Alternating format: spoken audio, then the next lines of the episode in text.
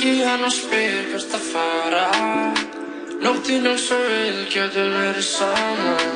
Þar er ekki að vera ég sjálfi fyrir framann hana Rúla mér eina og við byrjum að tala saman. Tala saman, alla virka daga, mellum fjögur og sex.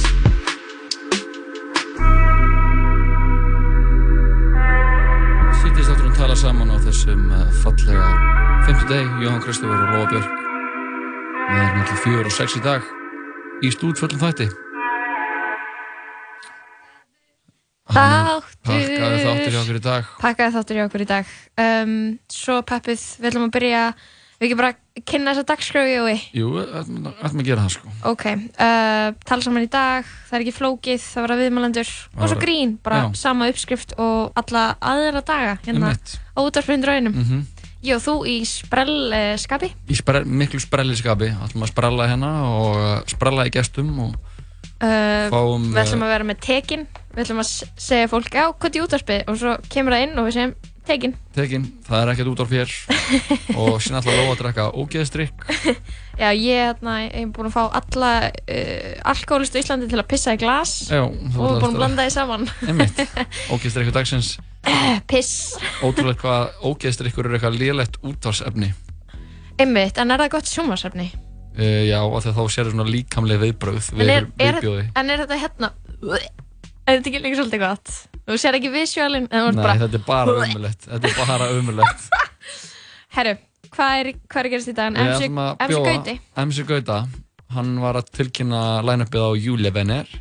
júlevenner, hvað er þetta eitthvað svona danskir jólatónleikar eða er þetta bara svona sprella að láta heita þetta? Ég held að það sé bara alfarið sprell. sko. Bara svona stemmarinn, Mhm. í fíla. Og svo ætlar hann að koma líka í liðin síðustu, að síðasta kvöldmáltíðin. Einmitt, Það sem er allir viðandi, þetta eru jólatónleikar og Jésu borðaði hann alltaf síðustu, sína síðustu kvöldmáltíð á páskonum. en þú fattar þetta með að varst að nei, segja þetta er kristilegt þema. Við erum að Já, halda já, fyrir- já, já, já, ok, þetta er ekki hérna út af því að það gerist á jólunum En Nei, það er hann líka september og hvaða kristilegi viðbörður er í september, Jói? Uh, Engin, nei. Tekin. Það er nema ekki. fermingafræðsla er að byrja, Já. held ég Eða ekki? Jú, nei, tekin.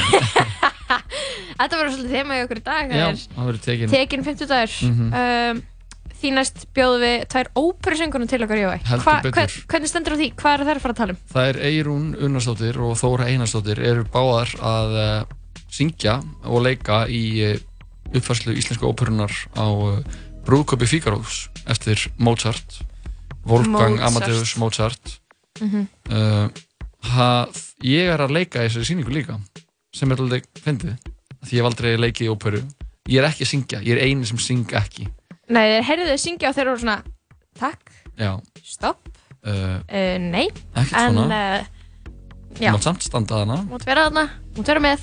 Þú er svona eh, súkulaði í óperunni. Ég er súkulega óperunni eins og ég er eiginlega bara allstar annars þar Já.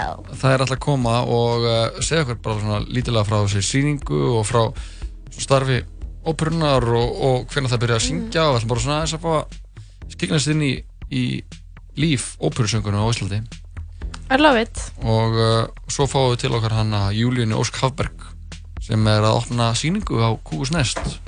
Já, uh, ég er peppið að tala við hana. Hún uh, er búin að vera aðeins í Danmarku mm Fór í Káspílot þar. Við ætlum bara að spjalla við hana og tala um lífið og listina. Mhm. Við hana Júlíu. Unnu Júlíunu Júlíunu um, Við ætlum að hlusta góða tónlist í dag. Já, Og hafa þetta léttum nútunum hvort við ætlum að gera. Við ætlum að byrja þetta á einu góðu klassísku. Þetta er að blöðinu Control með henni bestu Sissa. Lagið þetta er Drew Barrymore.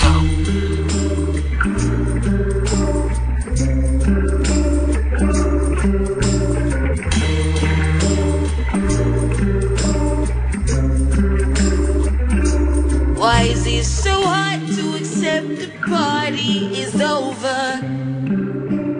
You came with your new friends and her mom jeans and her new vans and she's perfect and I hate it. Oh, so glad you made it. I'm so glad you could come back. Somebody get the tacos. Somebody spark the blood. Let's start the narcos off at episode one. Bring the gin, got the juice. Bring the sin, got that too. Won't you shut up? No, you're my favorite.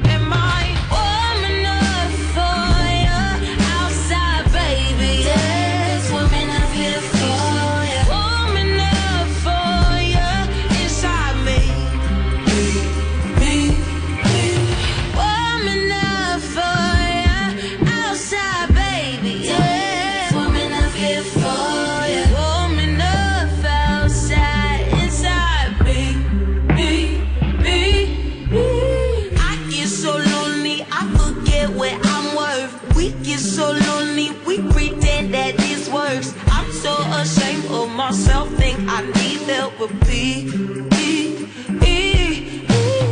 I'm sorry, I'm not more attractive. I'm sorry, I'm not more ladylike. I'm sorry, I don't shave my legs at night.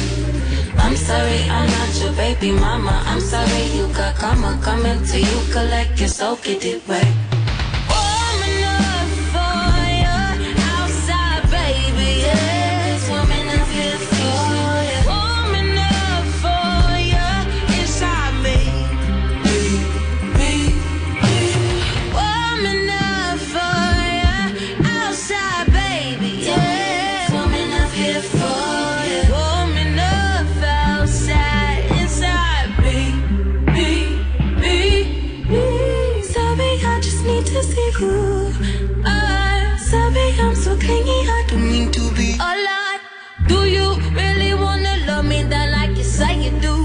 Give it to me like you say you do. Cause it's hard enough, you got to treat me like this. Lonely enough to let you treat me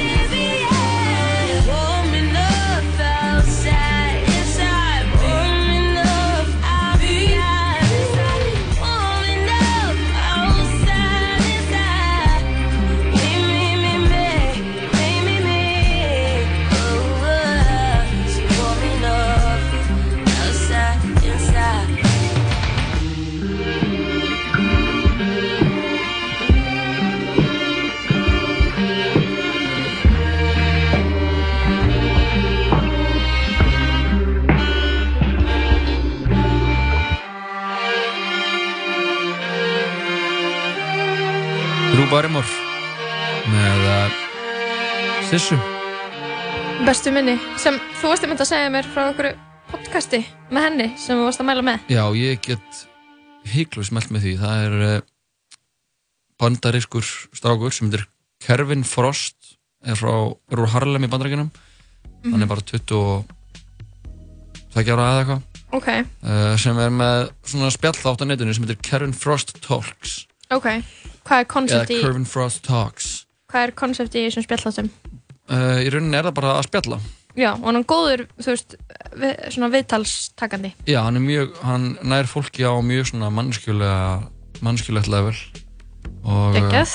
og hann er búinn að taka viðtal við alls konar liðana, hann Mm. ták viðtal við uh, hvað það er uh, Lil Yari, hann að taka við Diplo, það er nýjasta, nei, ég held að nýjasta sé Post Malone, það var að dætt í hús held ég. Uh, síðan uh, mennin á bak við Hood by Air tísku húsið. Ok, og A$AP Rocky og svona mjög mikið af svona, þetta er mjög hip-hop based eða svona í kringum kultúr sem er, er alls ráðandi núna í Mhm. Vestanhafs og líka hérna, hérna á Íslandi. Algjörlega. og hann tekur viðtali við Sissu í þar í næst, nýjasta þettinum Já. og uh, þar einmitt segir hún líka frá þessu lægi Drew Barrymore og vídjónu við það. Já, einmitt. Drew Barrymore kemur náttúrulega fyrir sjálf í vídjónu Einmitt. og umbásmaður Sissu hefði skrifað eitthvað bref sem að senda henni og beða henni um að koma og vera í vídjónu uh, og síðan uh, kom í ljós að hún senda aldrei brefið Já, en hún hefði bara hana, Sissa hefði bara spurt hana bara sjálf og hún var til í það og, og var að lýsa það bara þegar þau voru að hanga saman. Hún sagðist dyrka Drew Barrymore hver dyrkar ekki Drew Barrymore, sko? það er mjög erfitt að dyrka hann ekki sko. En herru, við erum að fá til okkar óperusynkunur eftir. já, Það eru nýjustu óperunni hjá Mozart. Mhm. Ok, ég er með pælingu. Nú erstu að leggja óperu eftir Mozart. Hver Já. er svona þín ímynd af Mozart? Hva, hvað hugsaðu þegar eitthvað segir Mozart við þig? bara gauður með eitthvað hvíta kollu og setur einhver staðar hvað var hann oftur frá, er hann frá Austuríki Jú, bara í einhver svona, svona lofti hvað heldur hann gerir? Hvernig típa heldur hann hann sé? Bara mjög lítið látur setur Já, og bara ábygglega nætt bældur ok. Ég nefnilega sko, ég fór á sýningu í Skotlandi Mhm. fyrir nokkrum vikum sem hétt uh, Your Sex Are Shit. Uh, og á þessar sýningu þá er það er þarna svissilta kona sem heitir Rachel Mars sem les upp svona gömul ástabref frá alls konar sögulegum fígurum uh, James Joyce uh, og, með, og Mozart Mhm. uh, og fleira, fleira lið sem ég man ekki akkurat núna Ok. og það voru nokkrir þarna sem voru með kúk á heilanum Já. bara kúk uh, í ykkur svona kynferðslega samhengi og komur á óvart en Mozart var einn þeirra Það, nei. og sko og þannig uh, já, hún er sagt í þessari sýningu og hún er einhvern veginn er með svona eitthvað svona projektor og hún situr við eitthvað skrippborð og hún er svona mikið að lesa og uh, já og þetta er allt sönn bref skilur við Mhm. og þetta er svona, þetta er svona dæmi þar sem að þú veist sannleikurinn er bara skemmtilegri heldur en fiction Já. Svona dót Og- sem getur ekki skáldað. Já, hún vi, og það hérna ke- kom upp, ég veit ekki hversu langt síðan, þú veist, þessi, þessi Mozart bref, hann er skrifað sér til frængusunar, Marianne, hann Mhm. er 22, hún er 19 ára, hún er frængans en líka uh, hann skotin í henni, skilur. Svona bæði, bara klassíst, gamla, gamla daga, Gamla skilur daga, já. Við ætlum- ekkert að dæma hann fyrir það, Nei, en við nei. ætlum hins vegar að dæma hann fyrir þarna, uh, fyrir Hvað hann þarna, fílar? hvað hann fílar, eða skilur, ok það var eitt partur sem hún les á þessari sýningu þar sem að hann er að uh, lýsa því ítalega fyrir frængu sinni að hann finni kúkalegt Mm. og hann er að lappa fram og tilbaka í íbúðinni að leita að einhvern veginn svona uppruna kúkalektarinnar Já, uppspöttur leiktar hann. uppsprettu lyktarinnar Mhm. og uh, þetta er eitthvað svona neðist í hérna, brefinu og hann eitthvað, ég, ég standu upp ég fer að glugganum á ferun ég fer aftur á skrifbrunum mínu held áfram að skrifa, þá spretti lyktin upp aftur upp um, þanga til að mamma mín segi við mig um, ég, held að, ég held að þú hefur kúkað á þig. Og þá stingur Mozart puttanum í nærbúrsuna sínar og uh, finnur kúkalegt af puttanum sínu. Og þetta kom mér í svo opna skjöldu. Ég er eitthvað, af hverju er ég að heyra fyrst núna um aðna kúka ástabrifin frá Mozart. Ég, mér finnst líka svo skrítið að vera að skrifa eitthvað ástabrif og skrifa ekki að mikið í það því að skrifa Um þetta kú. ástabrifina og þú veist, ég dyrkaði og dái og elskaði og mjög mikið kúkar þetta sem ég sitt núna að skrifa. Hvað myndur ég eitthvað að þurfa að nefna það? Ég veit ekki ég, það veist, eina sko niðurstaðan sem ég komst að var einhvern veginn um, að einhvern veginn svona lægstu kvatir mannsins Já, svona, og svona ógeðið, svona vessar. Mhm, það hafi verið einhvern veginn bara, þú veist, svolítið svona í svolítið svona saman, skilur við kúkur, ríða, pissa, Já, sæði bara skilur essi- já. já, bara eitthvað, það- sem er dirty emitt svona stelast til að tala um það og það spennandi og ógíslegt og eitthvað. Og ég menna svo segir hann bara eitthvað hann hafi fundið kúkulegt á puttunum sínum og segir sem bara já, nú kissi ég þið miljón sinnum og er ávallt þinn.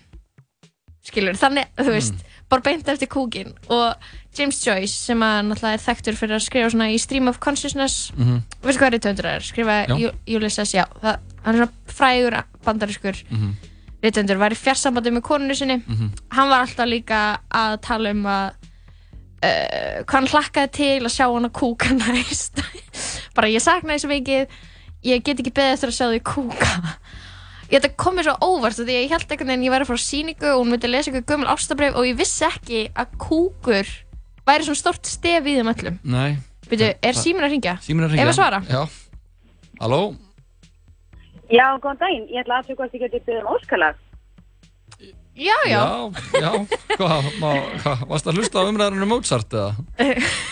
Nei, reyndar ekki. Ég er ekki mikið í því, sko. Nei, En ég ætla að testa hvort að við getum spilað nýja lagi með Kilo, No Sleep. hver er það? Kilo Kev City. Kilo Kef City, kongurinn í Keflavík Já, við, Já. við kjúum þetta lag Já, Herði, geggja. Eða bara góðan dag þakka þér Bye Hei, hei. Bye. Jú, jú, símin hjá okkur Jóhann er alltaf opinn, það er 55661 Já, ég dyrka að það sé bara að fólk ringi bara Já, þarna, Það er alltaf opið, það bara mátt ringja bara þú vilt. Mannstu þegar ykkur ringdi í okkur og vildi tala við skrifstofuna. Já, nú er einhver annar að ringja Já, já, sjörum bara. Halló? Já, góðan daginn. Góðan daginn. Herru, þetta er hérna, MC Gauti hérna, ég á að vera komin í viðtal til ykkar, Já, Já, þú er svolítið sett, kallur minn. fastur í umfyrir. þú ert fastur í umferðinni. Það er sko, ég er hjá Reykjavík og það er bara fáráðum með fokkin umfyrir. Já, þá bara, Hva? uh, gott að þú sért allan að mættur Það í er bara, símanum. við erum að tala bara um Mike Pence part 2, sko. Já. Þetta á Ok. flugvöldinu, sko. En hvað segir hans gott, Gauti? Ég er bara eiginlega í toppmálum, sko. Er það ekki? Ég er búin að vera eiga mjög, sko, eiga alltaf grillaðan dag bara að því maður er einhvern veginn að pæla í jólunum núna. Já, sem er svolítið skrítið í september, get ég ímynda mér. Já, og þú veist, maður er hérna, þú veist, ég vaknaði morgun og, og er einhvern veginn, og það er ógæslega erfitt að sannfæra fólk um að að vera með þér í jólastöði núna. En hérna, en það er samt eiginlega nöðsynlegt, sko. Mm Klálega. Þú varst að tilkynna line-upið á Júlivenner. Já, hérna, Venner er það búið, fram. Og sorry, eigum að segja júlevenner. Júlivenner. Ju- Júle, Jules Venner. frá hvað, hérna, já. þetta heitir basically júlevenner því ég þorði ekki að skýra þetta jólagestur gauta, sko. Út af bó, hann er svolítið á það. Bó er með bara rísa hendur sko ég bara, bara svo hættur maður bara ef við hitta þú stað baksins það myndi bara róta mig skilja Já, true. Að myndir Þannig þú að- kirkja þig, rear naked, svona, Já, ég tjóka hef þig. einu sinni hitt hann baksins og, og hérna, það var í hörpunni á síðast ári Mhm. og þá tók hann í hendina á mér og hann tók ógæðslega fast í hendina á mér og ég veit ekki hvort það hafi Hristi. verið eitthvað svona viðvörun að viðvörun. jó, jólaviðvörun eða hérna Bara jólin eru mín. já, eða, eða hvort það hafi verið að, þú veist, bara með svona firm og gott handshake sko Einmitt. Þetta er, ég maður hefði um jólakveðju bó, sko. Það er þegar menn sopna hennum langa svefni. Já, jóla, já, bara þegar, þegar hann jóla kveður. Jólakveður þig, sko. Æðislegt. En, Næsta dagskrá er hinn langi svefn. en Gauti, heldur þú komist í viðtalega til okkar á endanum? Uh, já, þú veist, það fer hann eftir bara hvort, ég, kennst alveg á endanum, það fer eftir bara hvort það bara ég megi vera hann seitt. E, já, já, já, mátt alveg vera sett. Já, já, við erum Við að fá getum hérna, skvísað þér inn. við erum vonað hérna Okay. þeim óperusöngarum eftir smá og, og þú kemur bara þegar þú kemur. Já, Herri, sem var ég til að fá óskalag. já, Já. hvað óskalam að bjóða þér? Og sama óskalag og pían var að buða. Nei, já, ok. Ef við spilum það til sér röð, ekki máli. Já, ég stegur þetta smá. Já, það er bara allar línur rauðklófandi. Við fengum einn óskalega rétt á hann uh, nýjastalega með kí, uh, rapparunni Kíló frá Keflavík. Já, Ég ég, held að við þurfum bara að spila það. og kúkasegjónum mínum er bara byndu venda á þær. Já, við slum bara aldrei minnast að það er aftur. Herru, Jói, hvað minnur þau?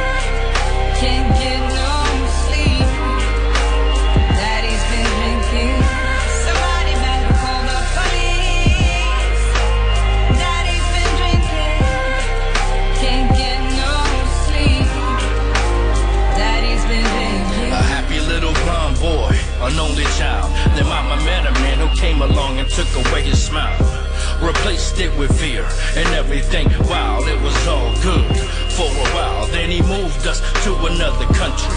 Now we're flying through the clouds. My first plane trip. Thinking, wow, America, home of the brave, land of the free, Burger King and cable TV.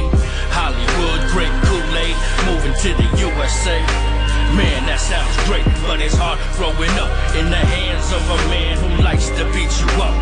Feeling like you have no love or no luck, and the police didn't do shit when they showed up. Sleep is the cousin of death, and I'ma keep moving till I take my last breath.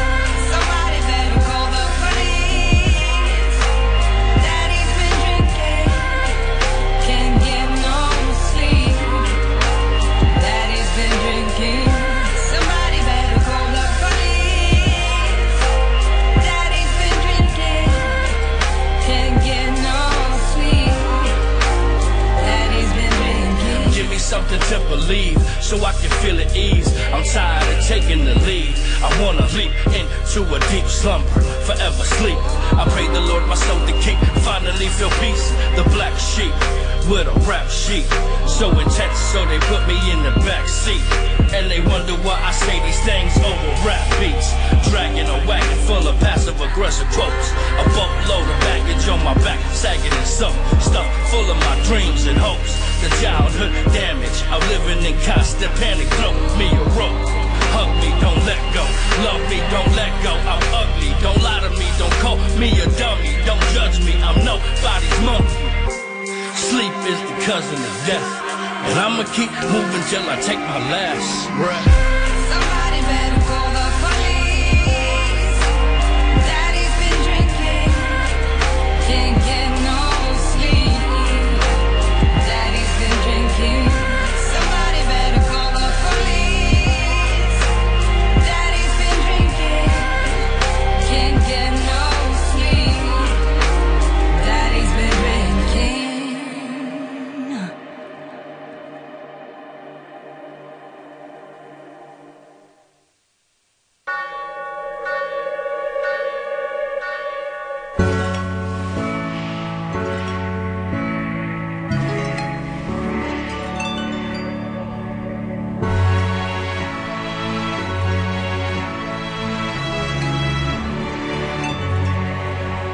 Swinging in the backyard, pull up in your fast car, whistling my name.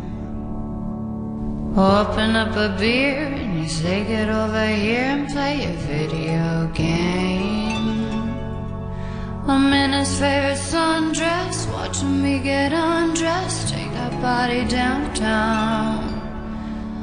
I say you the bestest, leaning for a big kiss, put his favorite perfume on, go play a video game. It's you, it's you, it's all for you. Everything I do, I tell you all the time. Heaven is a place on earth with you. Tell me all the things you. I heard that you like the bad girls, honey. Is that true? It's better than I ever even knew. They say that the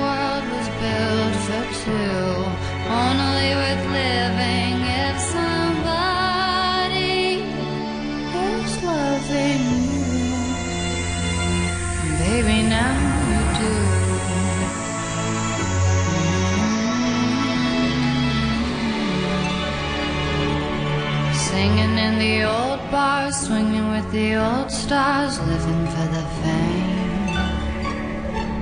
Kissing in the blue dark, playing pool and wild dogs, video games. He holds me in his big arms, drunk and I am seeing stars. This is all I think of.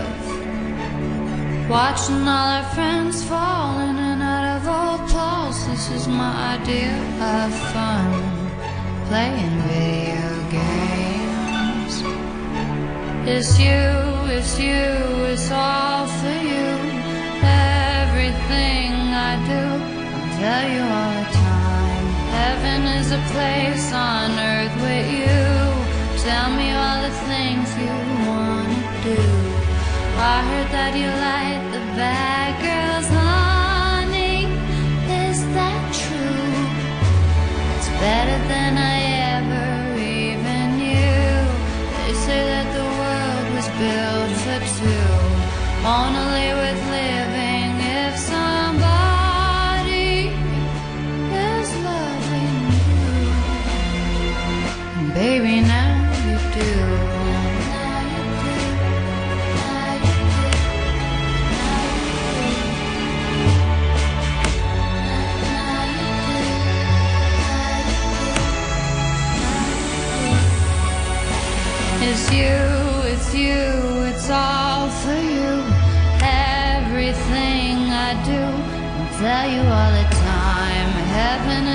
place on earth with you. Tell me all the things you wanna do. I heard that you like the bad girls, honey. Is that true? It's better than I.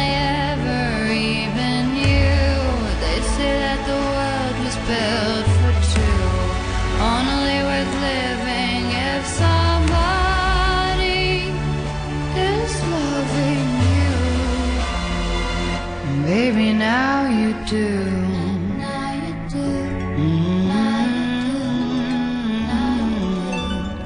Now you do. Now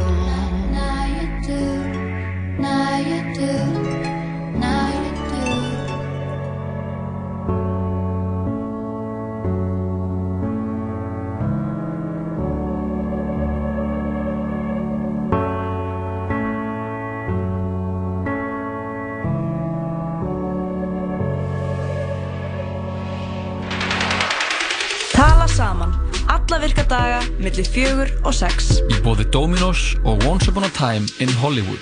Komin í bíó. Einróma lof gaggrinenda. Sjónrænt grípandi og áhrifamikið. Hvítur hvítur dagur kemur í bíó 7. september. Hamborgarabúla Tómasar. Nú verða stektir hambúrgarar. Hamborgarabúla Tómasar. Hleðsla Extra.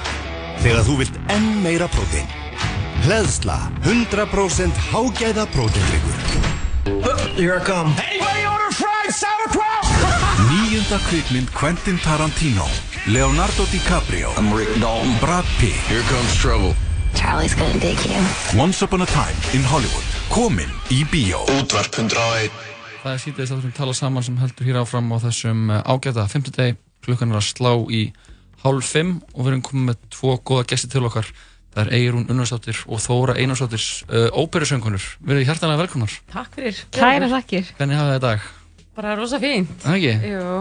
En þið? Við, við erum alltaf Við hress, Jói, sko. já, mjög hress Já. Er það ekki? Mjög gott, jú Vantar ekki hingað inn sko, eitthvað hressleiki sko. Nei Anna- Jói er smá slappur Nei, tjók. Það er bara alltaf sama saman með það sko. Æ, ég fór að hugsa hvað er að finna ef ég myndi fara að segja frá okkur svona hvernig þú hefði það líkanlega Já, Hvernig hefði það? Uh, Jói, hann er ekki í fætinum Eyrún pínu þreytt. Herru, þið eru að frumsýna uh, Brúkup Fíkarós með Íslensku óperunni núna á lögadaginn Mhm. og uh, ég myndist að hana ég er líka að frumsýna Brúkup Fíkarós með Íslensku óperunni Já. Nákvæmlega. uh, Anna, hvernig eru þið svona spenntar fyrir Stendar Stendar fyrir að- segi ég Við erum bara, eða ég tala fyrir mig og bara hérna mjög spennt fyrir þessu. Mhm. Ég held að þetta verði bara alveg, alveg bara geggjað. Já. Og hérna, uh, með viðbröðin gæri vorum við opna sérst, hérna, aðalæfingu Mhm. í gær og hérna fullur salur eins og þú þetta veist. Eins og ég- vel Ég sjálfur og það, allt annars já. við okkur. Og hérna, þetta var bara, já, rosalega fín viðbröð og hérna, við erum búin að heyra mikið af hérna, góðum viðbröðum í dag Mhm. og hérna, já, ég hefði þetta lofa góð. Já. Hvað fjallar þetta verkum? Eða sk- Hvað saga er þetta? Þetta er sagan af hérna greifanum og greifininni sem eru gift og þau eiga þjónustu fólk, Súsunu og Fígaró og þau eru að fara að gifta sig Ok. þennan dag. Og það fer kemur- allt í vol? Það kemur allt. Já, upp á, sko, sko. okay. Ok. hún er nefnilega greifinjan, þannig að hún sagði þetta er sagan af greifanum og greifinni og nú er ég þetta þetta er nefnilega sagan af Súsönnu og Fíkar Ert þú- ert þú Súsanna?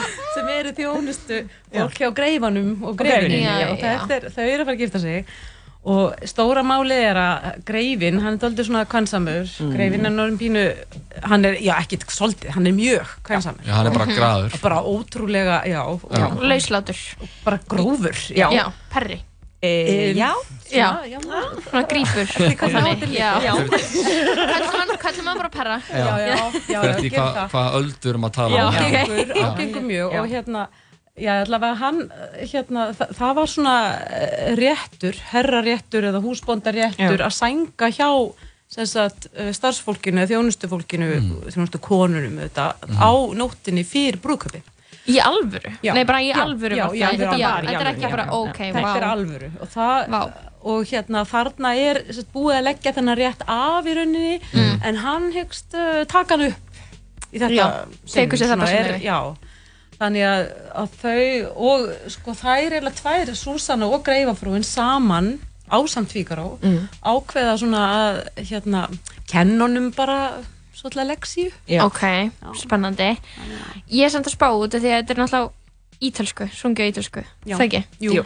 Og þú veist, út, á maður að fara í óperuna og bera búin að googla söguna til þess að maður veit hvað gerist eða á maður bara að fara og njóta söngsins Hvað er, er- rétt að leiðin, skilur við? Það er ekki neinn rétt leið. Þú Ok. Veist, það er bara fyrir eftir hvað þú vilt, hvort þú vilt fá þú veist, virkilega innihaldið, þú veist, skilja alveg plottið, Mhm. þú veist, og, og vera í dítelum eða eitthvað svo leiðis, Mhm. eða þá bara að fara einmitt eins og þú segir og bara upplifa. Mhm. En það eru þetta, það eru íslenski textar, þú veist, þannig að þú getur séð. En- þú en þeim varpað á Já, skjá. já. Ókei, Þannig að já, þú veist, já, þú já. skilur alveg, meina, það er náttúrulega alltaf þetta, þú veist, hvort vil ég vera að horfa á sviðið eða vera að fylgjast með textanum, þetta er náttúrulega já. svona smá maður er svona athygli. já, en, en þú veist, þú getur alltaf þú átt alltaf að geta fylgst með hvað er í gangi já. þó að þú sért ekki um eitt búin að fara á Wikipedia og lesa til Mhm, mhm. Burger Figaro Já, það er svona, já, ég mæla alveg með því að kynna sér Já. söguna, þú veist, það er það er alveg, hérna, það getur alveg hjálpað Mhm. en,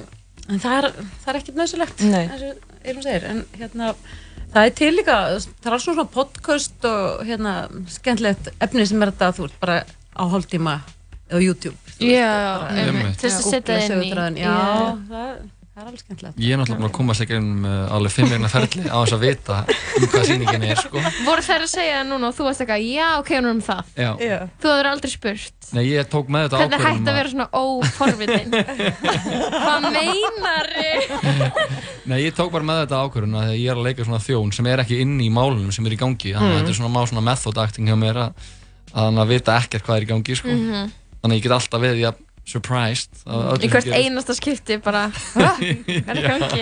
Ég verða að leiða þetta satt eitt af því að hérna, þú sagðir hérna áðan sko, að þú syngur þú veist að kynna þáttir ég er að starta þegar kveikja út af Ok, heima ok. og að stað sko, Ok. til að heyra svona hérna, hvað væri í gangi og hérna þá heyrði ég að þú veist að kynna þáttin og sagðir að þú syngir ekki neitt í óperunni og, en ég verða að upplýsa það hér Já. að ég hef heilt að syngja og taka undir með Barbarínu að stelast til þess að syngja, Já. Jói? Þú söngst líka með, með Cherubino, eða ekki? Já, með ég Cherubino. laumast einn og einni línu Já, já, já, þannig að við höfum alveg heyrt þetta sko Þannig að þú veist, glöggir svona áhörendur sem að sperra eirun, Já. þeir muni geta heyrt. Þeir muni geta komið og heyrt mig syngja á óperunni Ótrúlega þess að stelast til að syngja í óperunni. Ég, meina, ég er ekki ráðan inn til að syngja Ég held að ef ég myndi syngja eitthvað mikið hærra en ég geri þá myndi fólk alveg benda á það sko.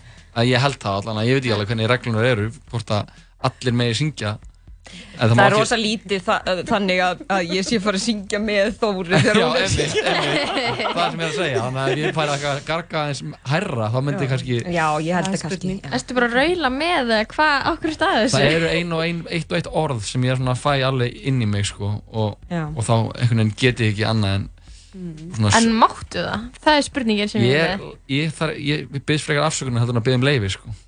við Ok. erum alltaf með getið þið hann John John, Ramster. John Ramster getið þið Mhm. sagt okkur smá frá honum Já, hann er, uh, þetta er svo þú segir, bretti og, Mhm. og hérna, hann er uh, bara, setur upp fullt af svona sýningum, óperum sérstaklega á, Mhm. í hérna Breitlandi. Er hann frægur? Já, svolítið, og hann er sko, uh, uh, ég þekki hann kannski best þannig að hann er uh, og hefur leiklistakennari, óperusöngvara í, í hérna Guildhall Group Music and Drama Einmitt, London einmitt. hann er búin að vera þar að kenna í sko hátt í, já allavega yfir 20 ár Já. Mhm. og hérna já, og sett upp fullt af sýningum Já. Ég held að þetta maður negli eitt lag Óperulag?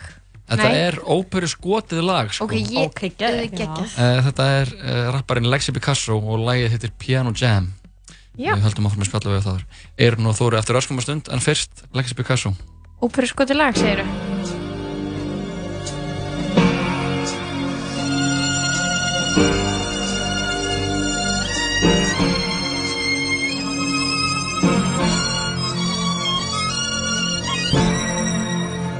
I got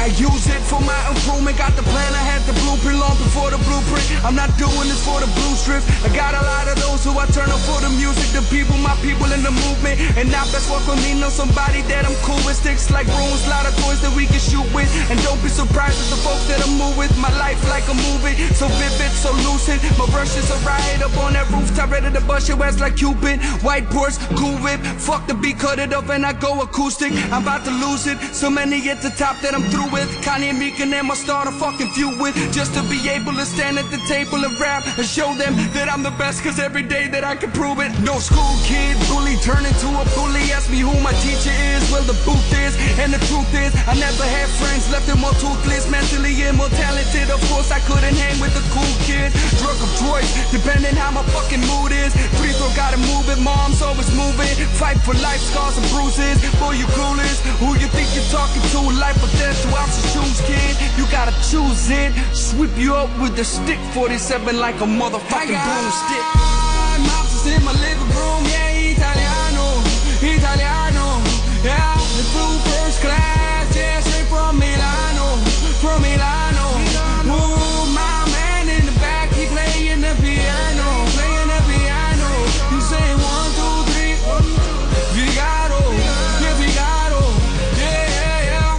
yeah. Lexi Picasso, lagið hittir Piano Jam hér á útar 101 við erum að spjalla við Eirunu og Þóru sem er að leika í Brúðköpi Fíkarós sem er frumsýnt í þjóðleikusinu núna á lögadaginn uh, Mér langar að spyrja ykkur, hvernig er svona vennilegur dagur í lífi óperusöngun á Íslandi?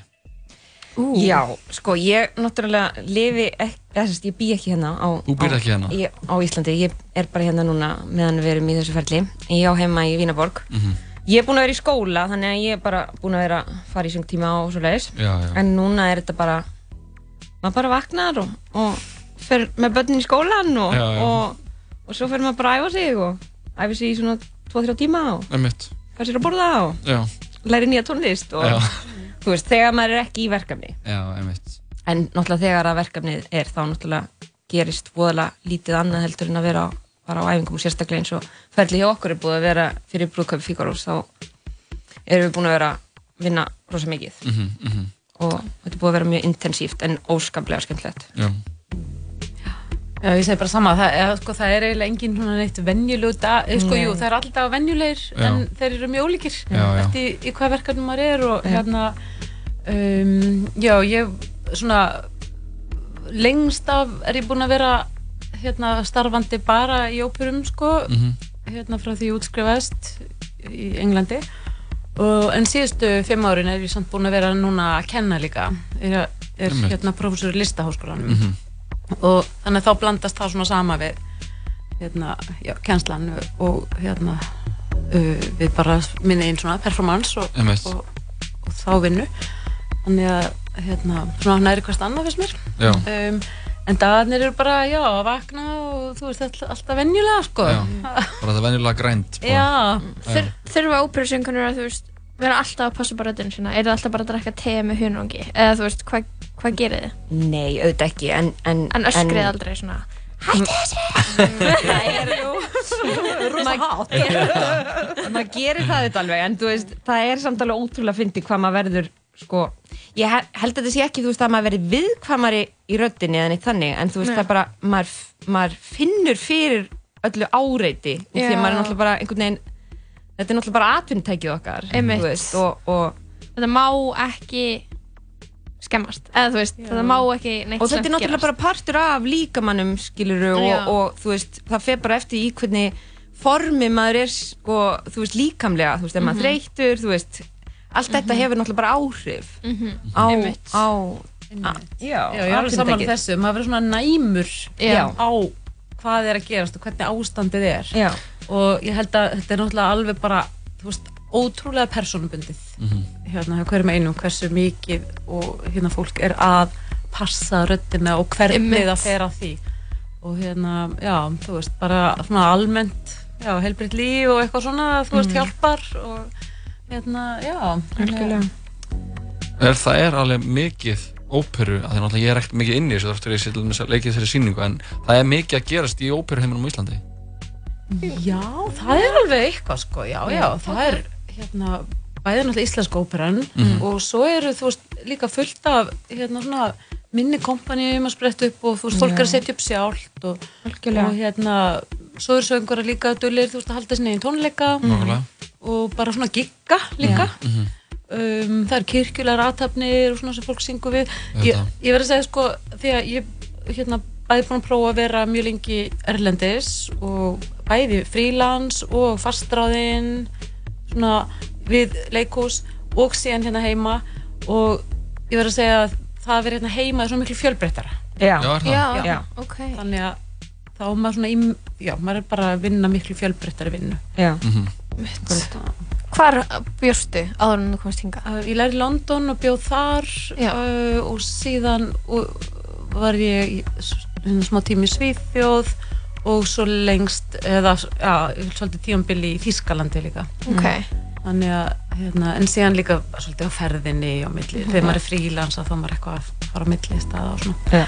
En Það er nú ein alþjóðlega stjarna í leikofnum hann eh, Andrei Já, frá einmitt. Moldavíu og það er mér, ég er búin að heyra bara hann ólst upp með einhverjum 11 sískinu einhverjum staðar í einhverjum afdal í Moldavíu og mér er frá ótrúlega að hann sé bara mættur hérna og er að syngja bara í þjóðleikúsinu Já. Já, og svo bara á Metropolitan eða Parísaróperunni já, í New York og þetta er Já, svona- já, já.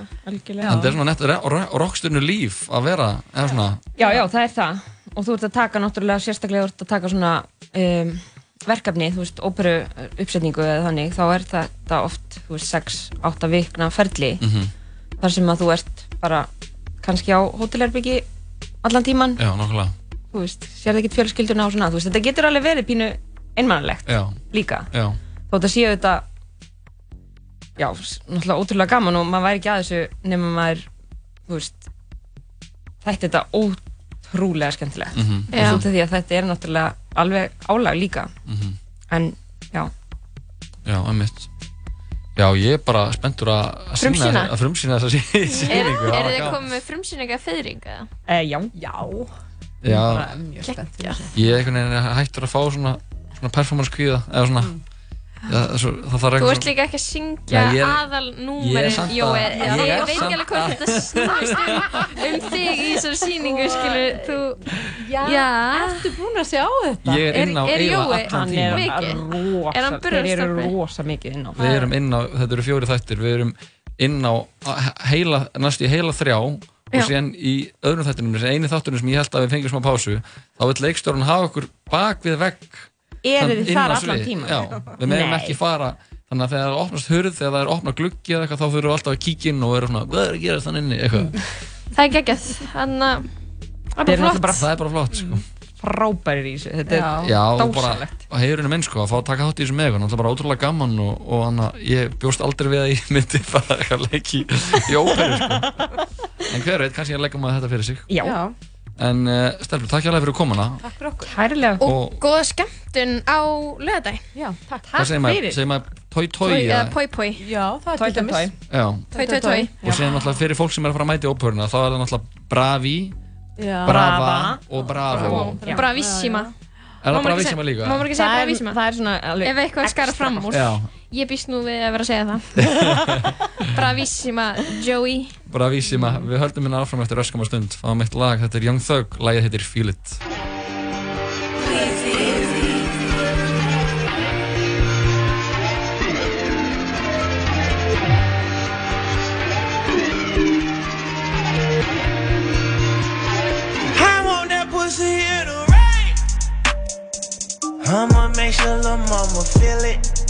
Every eyeball that look at me, she wanna kill it.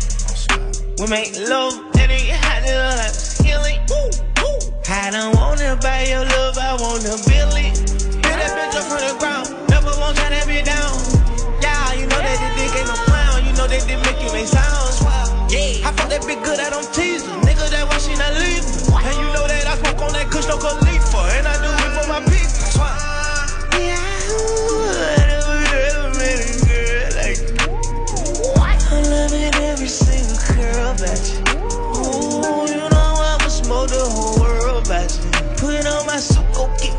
I go to jail, but let's go. You know who you will, little baby, stop playing, darling. You know who you will, you know who you will. Man, I'm so for real, I caught you a cool baby, yeah, for sure for real. Man, I'm so for real, these niggas be talking, we bustin' so for real, real. I'm so keen up on your love and I don't need no mind, let's for real, for real. Behind closed doors, they get dressed. Pussy way I don't work bad. Yeah, I am the truth, so don't ask me. Yeah, I shoot up in they plastic. Yeah, I only call him mama, baby, when you say daddy. If that's your man, you better hold him down. Oh. She held my little back, she was with it. And she was popular way before me. Now that I'm popular, I'ma still be the homie. I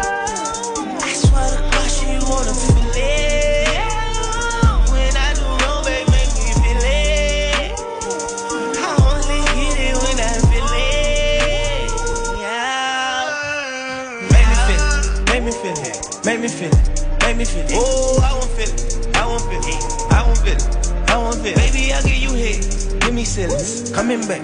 I'm a pillar, on lockdown, all milk, horseshoe, drill oh. it. I'm dabbing, I'm dabbing, I hop in your car and I smash it, I smash it. Hop I ain't go roll this, yeah, I'm Trinidad. They look like they don't wanna cook, but they at. I'm going up purple, that purple, yeah, hat. And I think I'm tough, you look tough, so let's clash. Let's clash. Ready, I'm going steady. Hop up with Keisha, not the one from Belly. I wanna fucking on tough, and that's it. I want that cat like a leopard. Let's go to Germany, no ship. She don't need no hand, I'm a help. She bird to keep her, so I kill her. Watch me tell her that's your man, you better hold him down. Now you see, oh, she held my little back, she was with it, and she was popular way before. Now that I'm popular, I'ma still be the homie. I swear to God, she wanna feel it. When I do wrong, babe, make me feel it. I only get it when I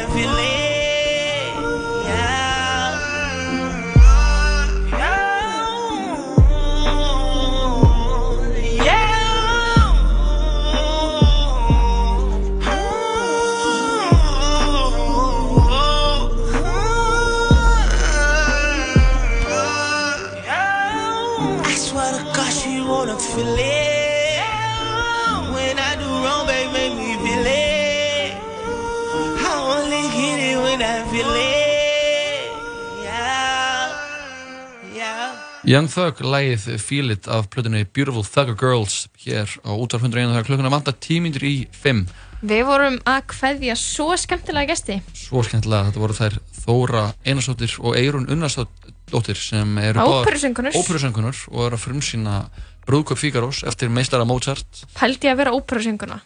Já, Það er bara- klikkað, sko. það er bara stórkvæmslegt uh, það er, er frumsýnt í þjóðleikusinu í musturinu, menningamusturinu Já, við getum kallað það á lögadagi næsta og uh, ég við bara mælum með að fólk tjekkja á þessu eða það hefur áhuga á slíku eða vill fara á eitthvað sem það Já, ég Hefur meina, kannski ekki mikið vit á. eh, ég meina, þú veist, geggja að þú fílar óperur, þá þetta endilega að fara líka ef þú hefur ekki séð óperu, þá bara að prófa eitthvað nýtt, skilur, Nákvæmlega. stíð út fyrir þeim mann. um eitt Um, við ætlum að hlusta me- á meiri tónlist og eigum sem vona á fleiri góðum gestum í dag. heldur betur þetta er uh, hinn katalónska ofurstjarna Rosalía lægið nú við. Pienso en tu mira Tekum á þessu Me da miedo cuando sale sonriendo para la calle, porque todos pueden ver los hoyuelitos que te salen.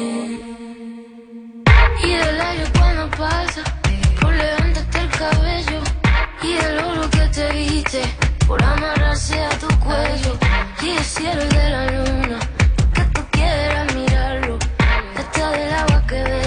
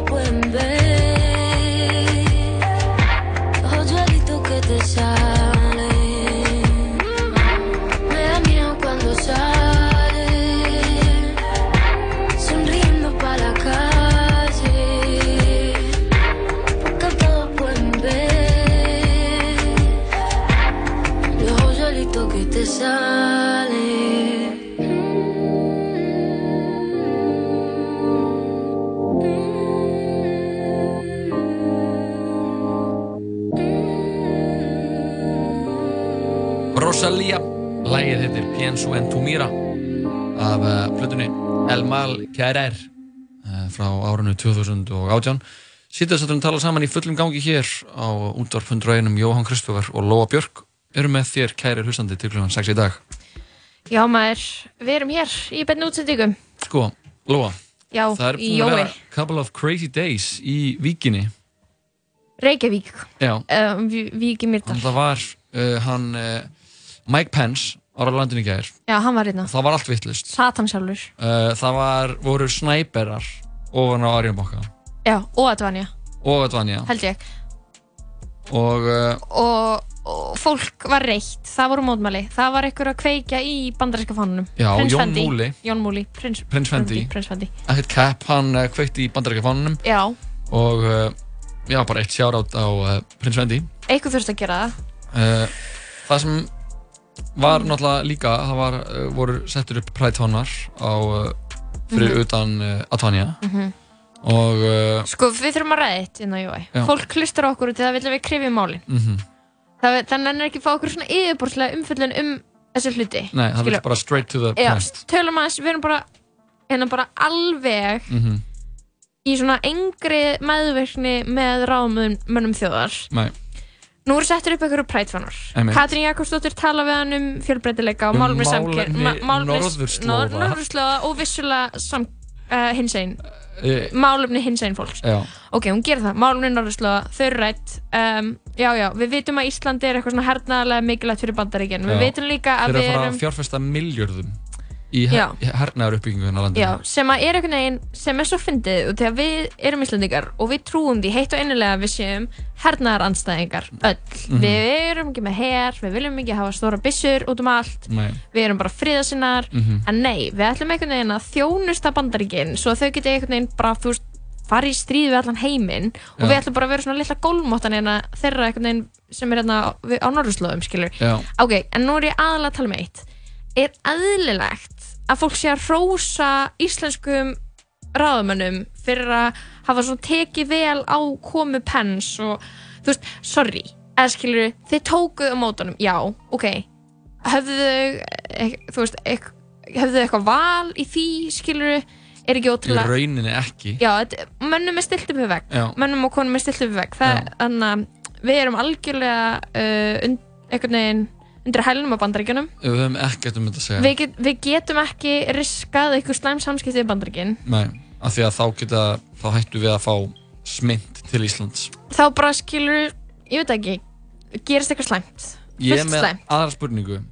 Já, við tó, já, ok hva- hvað finnst þér um þetta? Sko, ég var, þú svarar ekki ég- nei, spurningu. ég kem- ég ætla- ætlar ha- að ég- annar spurninga Já. og svo ræðum við þetta. Ok, Eh, flott. af því ég sá í gær uh, einhverja, einhver fólk Já. á Twitter uh, fólk Helvítis sem er, Twitter. er í bara sjálfstæðisflokknum e, já, og uh, það var að vera, var að vera að lofsyngja bandaríkin nei, lofsyngja uh, fyrirtæki fyrir að flagga prætfánunum Mhm.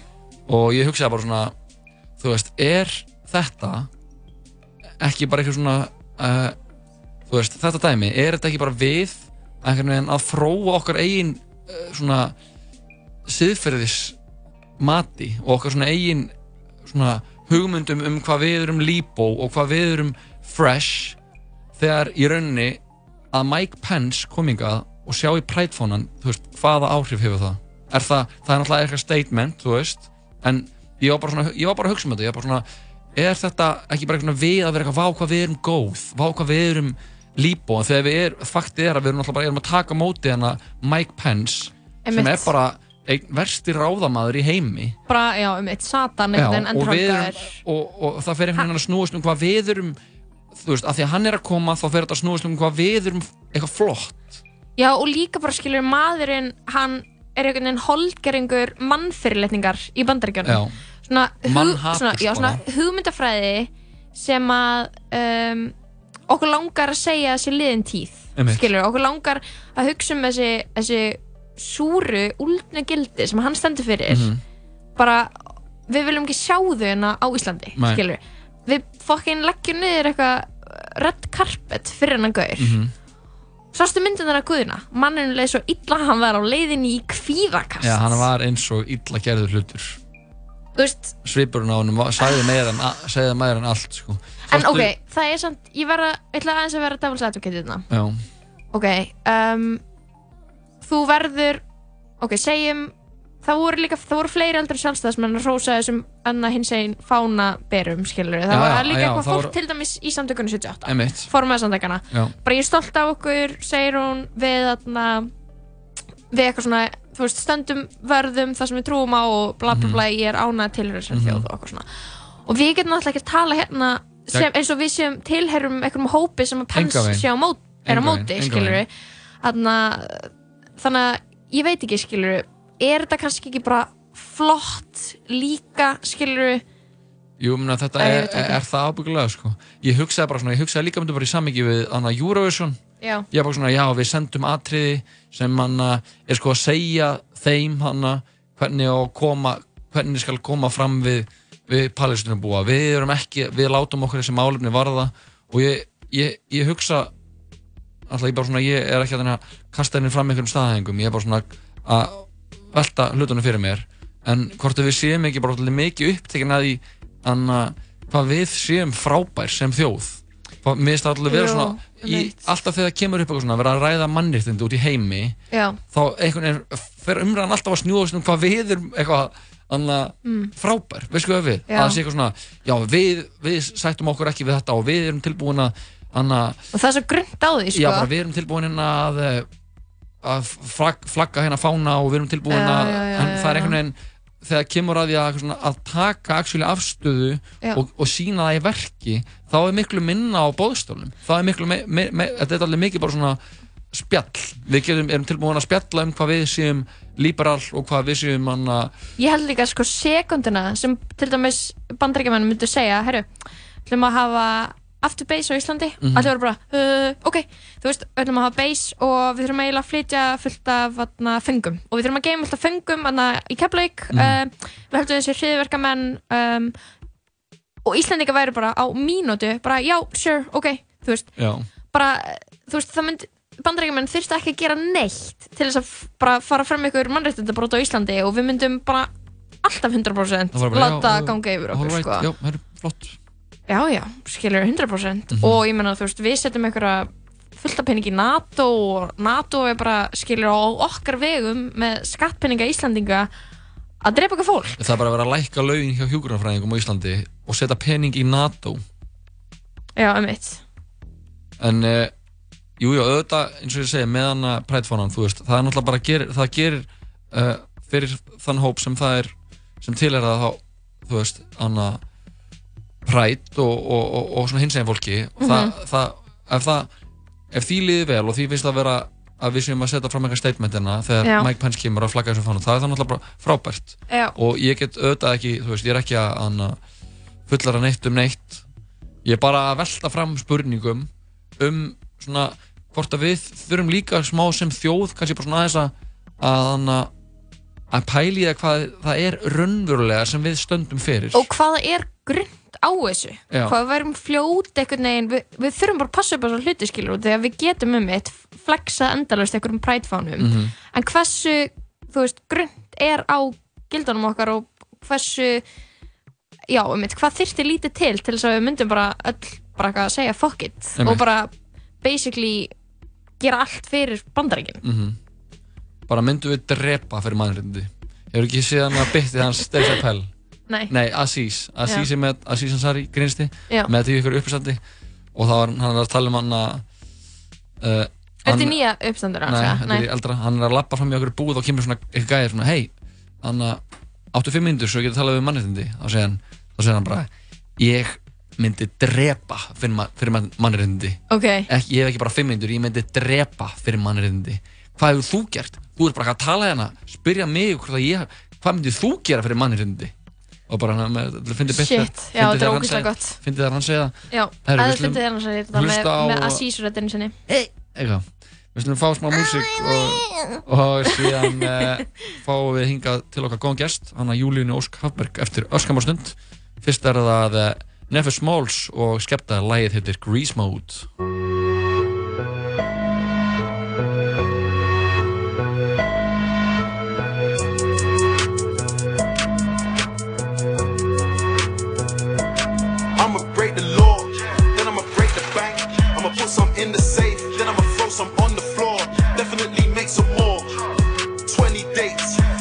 back on tour. She can see how I'm flexing, count my blessings, praise the Lord. You know the steez, super grease. Nothing nice, tell the promoter, bring the peas. Still ain't safe, I'm in a party with my G's. And I just made your girl, my girl,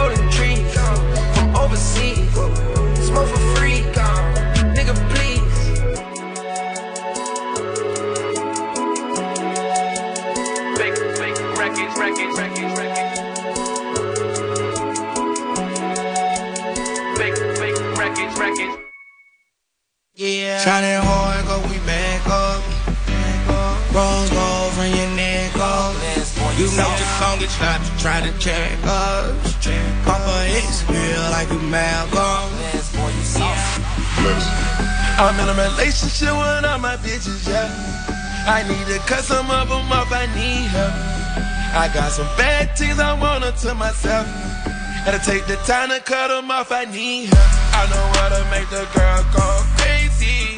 When you treat her like your number one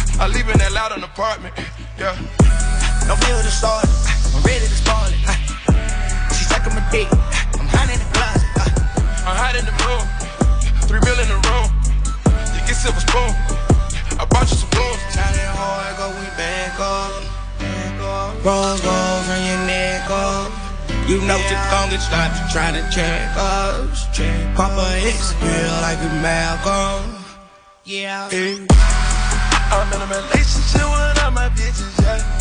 I need to cut some of them off, I need help. I got some bad things I want to myself. Gotta take the time to cut them off, I need help. I know how to make the girl go crazy. When you treat her like your number one baby. Put my bitches on yachts, we don't do jet skis. Put your ice on rocks, they need to help me. I don't do jet skis, give me the yacht, please. I made you queen status, check out my lean status. I'm in relationship with all my bitches, yeah.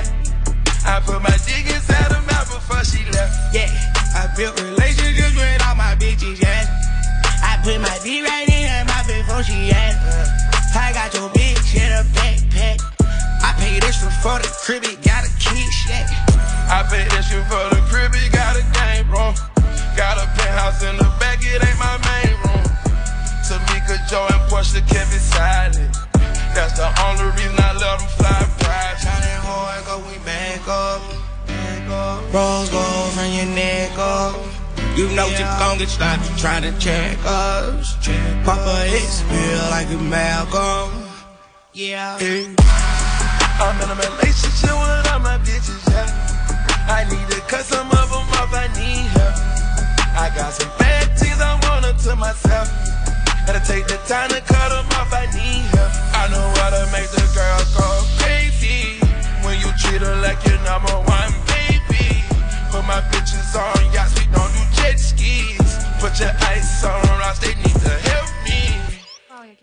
Já, þetta var uh, þeir uh, Young Thug og Future og uh, lagið Relationship við uh, höldum hér áfram í sítið setjum að tala saman og við vorum að fá til okkar uh, góðan gest, hana Júlínu Ósk Hafberg Vertu hjartanlega velkomin Takk fyrir. Hvernig hefur það í dag? Herðu, ég hef það bara rosalega gott. Næ, ég? Já. Hvað ertu svona að fást við þessa dagana? Um, þessa dagana bý ég í Árásum, þess að ég er búin að vera í námi síst þrjú árin um, og ég er bara að skapa mín einn list hvernig sem hún kemur til mín. Já. Geðvitt. Og þú ert að fara með síningu núna, ekki? Á Kúkusnest Jú, ég kom bara í gerkvöldi, uh, var bara yfir helgina til þess að opna þessa sýningu á morgun. Ok, vá Ok, velkomin og nýkomin til landsins. Hvernig er að vera á Íslandi? Þú veist, ef þú býrði í DK, ég er bara að sletta, þetta er því í Danmörk. DK. Eh, Mæta til Íslands, er það skrítið eða er það kósi? Já, það er ógeðslega skrítið. Já. Ég er bara, þú veist, verða að vera hreinskilin. Það er alltaf eitthvað svona geðveitt líður, mér líður alltaf eins og við farið tilbaka í tíman einhvern veginn. Þú veist, eins og ég verði bara ég þegar ég bjó hér. Þótt Já. það svo mikið sem búið að breytast. Og ég þarf alltaf svona að minna mig á að vera bara ég er hér í dag sem svo sem ég er í dag, ekki, þú veist, svo sem ég var þá. Breytist mikið þegar þú fluttir til Danmörkur. Hvað fórst að gera? Já, ég fór í skóla sem heitir Chaos Pilot í Danmörku. Ok. Sem er svona þryggja ára verkefnastjórnar og leiðtóa nám. Mhm. Og það bara, þú veist, breytti mér rosalega mikið og bara mótaði mig svakalega. Þannig að mjög mikið breyst svona fundamentally fyrir mér einhvern veginn síðan þá fyrst mér. Hvað fórst að gera um, í náminu, eða eftir námið? Þú útskrifast í vor Já. og þú fórst að gera list, en þú ert líka búin að vera að selja yrnalokka mm. sem að hafa slegið í gegn mikið að skvísum með þá á Íslandi. Hver er pælingin, getur þú samt með aðeins frá yrnalokkanum? Já, um, sko einhvern veginn þá var það svolítið þemað mitt í skólanum bara rosalega mikið tilfinningar og svona Ok. emotional intelligence og svona um, sjálfskoðun og já, einhvern veginn varð skólinn rosalega mikið átlegt fyrir mig til þess að skoða það Ok. um, í bæði sjálfur mér og einhvern veginn svona opna á það fyrir annað fólk um, og þetta er svona rosandi krefji, rosandi, rosalega krefjandi nám um, Rosandi er flott orð. Ég ætla að við getum fyrir að nota það. um, sem var svona íti manni bara þú veist, mjög mikið út uh, fyrir alla ramma sem maður hafði Já. um, þannig að ég var alveg bara brotna niður og bara, þú veist, gangi í gegnum rosalega erfiða tíma veginn um, fluttum saman til Barcelona og þá var rosalega erfitt hjá mér og þá byrjaði ég, þú veist, ég skrifa rosalega mikið og teikna rosalega mikið, þannig að kemur allt einhvern veginn svona upp, þannig að tilfinningina mínar komu út í einhvers konar teikningum og skrifum og þaðan komu þessu augu sem voru grátandi Mhm. og svo Mhm. einhvern tíman var ég bara, þú veist, ég er alltaf eitthvað að fykta með alls konar dót var með leir, byrjaði að gera þessu augu urða þessum yrnalokkum og þau Mhm. byrjuði bara að verða svona um, svona mynd þess að hengja tilfinningar sínar í eirun og bera utan á sér og ekki halda veist, Mhm. öllu svona inn í sér Vera með hjartað á erminni. Já, og bara vera stolt af, veist, fegurinn í því að vera með tilfinningar og gangi gegn erfið hluti þess að Já. kemur alltaf eitthvað fallegt úr því þótt það sé erfitt um, Það er líka sko, ég var á myndinni Hvítu hvítu dagur sem er um mann sem að er að gangi gegn mjög erfiða sorg. Já. og take away, þú veist ég lappa út, á- út, á- út af myndinni og ég hugsa bara eitthvað karlmenn sem get ekki grátið þeir eru að missa svo miklu. Út af því að grátur er basically leið líkamastins til þess að hugga þig og láta það liða betur. Og þegar þú fer að gráta þá leysir um einhver efni í heilanum sem þú veist láta það liða betur, bara instantly skilur og þegar þú leiðir ekki að gráta þá ert að neyta þér um svo mikið, ég var bara gæra að gráta við krán, þannig að ég var bara að gráta út því að konungurinn er að deyja. Og ég er eitthvað, af hverju finnst mér svona leðilegt að einhver englandskonungur sem var uppi fyrir 70 árum sé að deyja, skilur við og þá bara eitthvað, fór ég að gráta og svo leið mér bara gett vel eftir á. Og að ég veit ekki, það er alltaf það sem ég hugsa um grátur. Mér finnst hann bara, hann er næs. Mm hann er ekki erfiður. Maður er bara svo að fara í nutt eða eitthvað? Nutt fyrir svona. Þeir liða bara betur. Þetta er sko. Grætur um mikið. Já, eða ég tekur alveg svona tímabil sko. Mhm. þú veist, það sem að ég er svona mjög stabíl og svo einhvern veginn hreyfist við einhverju og þá fer maður að skoða alls konar hluti og þá kemur eitthvað upp og Mhm. já, ég, ég greið rosalega mikið um helgina til dæmis. Var, var það stress fyrir síningunni á morgun eða Nei. ertu ekki stressuð fyrir því? Nei, veistu, það er alveg bara svolítið gaman Mhm. ég er alveg bara svolítið spennt fyrir því öllu um, en það var eitthvað allt annað sko ég fekk eitthvað mega panic attack og bara einhverja tilfinningar og alls konar dót þannig að ég greið vel um helgina, já Það var líka ykkur sem mér og hefði verið að tala um munun á panic attack og anxiety attack Já. á Instagram. Getur þú sagt okkur þá pælingu? Já, algjörlega, ég nefnilega, einmitt, fekk sko panic attack uh, á lögadaginn og hjælt, þú veist, fyrst að ég hef bara fengið anxiety attack en Já. það er greinlega bara mjög mikil munur á þessu og við erum svolítið búin að komast að því að á íslensku er þetta svolítið kvíðakast og ofsa kvíðakast Mm, Ok. Já, já, já, já og kvíðakast er þá anxiety attack og það er þá svona aðeins um, minniháttar eða þú veist og eða það getur verið yfir miklu lengri tíma Mhm. uh, og einkennin eru bara svona rosamikil kvíði og hugsanir og kannski svona vanlíðan en panic attack er svona meira extreme þar sem að þú færð bara í svona 15-20 myndina bara svona episode þar sem bara Já. líkaminn fer í bara svona varnarstöðu líkaminn er bara eitthvað það er eitthvað vant í gangi hér ég það bara að fara að prioritisa bara öllum eh, líffærunum og bara Já. sleppa höndum og fótum þú veist ég dofna allt svona upp í höndum og fótum að því að líkaminn er bara nei ekki hendur og fætur þú veist Mhm. bara líffæri Já. og anda og fyrir ofanda og svona Mhm. þannig að það er alveg mjög mikil munur þar á sko en um, já, komst að þessu öllu, lærði að þessu helgina Já, það er gott að hafa þetta hreinu sko Já, hvað þarna eftir að maður fær svona kast ég, vorum, hver var hérna vorum með eitthvað í gær að tala um kvíða, nei Já. fyrir dag þannig að Steinei Já, og Sigurlausara. þær eru að gefa út þarna uh, þættina heilabrott þeim fjalla bara um geðheilbreyði Já. og bara, þú veist þar voru við með það, þú veist, minnast á það er eitthvað svona smá síðan að við vorum eitthvað svona, byrjuðum að tala um þetta sem samfélag. Eitthvað svona tilfinningar, geðheilbreyðismál en við erum samt ennþá útrúlega mikið af tabúum. Svo vorum við eitthvað að tala um þú veist, kvíðaköst og eitthvað. Og ég var eitthvað, að tala um þegar ég fengi kvíðaköst. Og mér finnst þess að þegar maður fær það svona eftir að fæði svona eitthvað sé ég allt gett skýrt. Og þetta er svo mikið wake up call eitthvað, að þú veist ekki búin að vera að hugsa nógu vel um þig í rauninni sko. eða þú veist, þetta gerist bara þegar maður er búin að leifa öll að fara í flækju algjörlega. Og svo fær maður eitthvað svona samhengi. Algjörlega það var rosa mikið það sem gerst fyrir mig að, þú veist, ég fekk bara eitthvað svona panikataka því ég áttaði mig allir á einhverju Mhm. svona munstri í mér og hvernig ég, þú veist, bara hegða mér og er Já. sem að var byggð á bara einhverjum sásuga sem gerist fyrir mig fyrir, þú veist, því ég var lítil stelpa, skilur Já, einmitt. og ég fekk allt í hennu bara eitthvað svona oh my god og fekk líka minn bara fóð bara í panik yfir því að ég Já. væri bara búin að eigða svona miklum tíma lífið mínu í að, þú veist, hegða mér svona út af einhverju sem að er svo gamalt Mhm. Já. og einhverju sem ég vil ekki láta stjórna mig lengur, skilur þannig að þetta var eitthvað svona líka minn bara eitthvað En það gæði þetta að fatta það. Já. Já, þá, það er mikilvægt, sko. þá er maður bara getur maður breytt til og eitthvað. Já, getur maður un- unnið úr sko. Algjörlega. Herru, við sem hlusta þetta lag.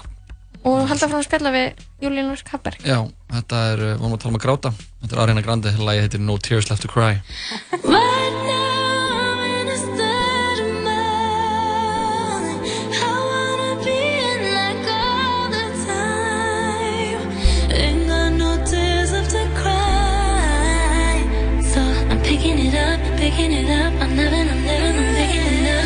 picking it up, picking it up. I'm loving, I'm living, I'm picking it up. I'm picking it up, picking it up. Loving, I'm living, so we turn it up. Yeah, we turning it up. Ain't got no tears in my body. I ran out, but boy, I like it. I like it. I like it. Don't matter how, what, when, who tries it. We out here vibing.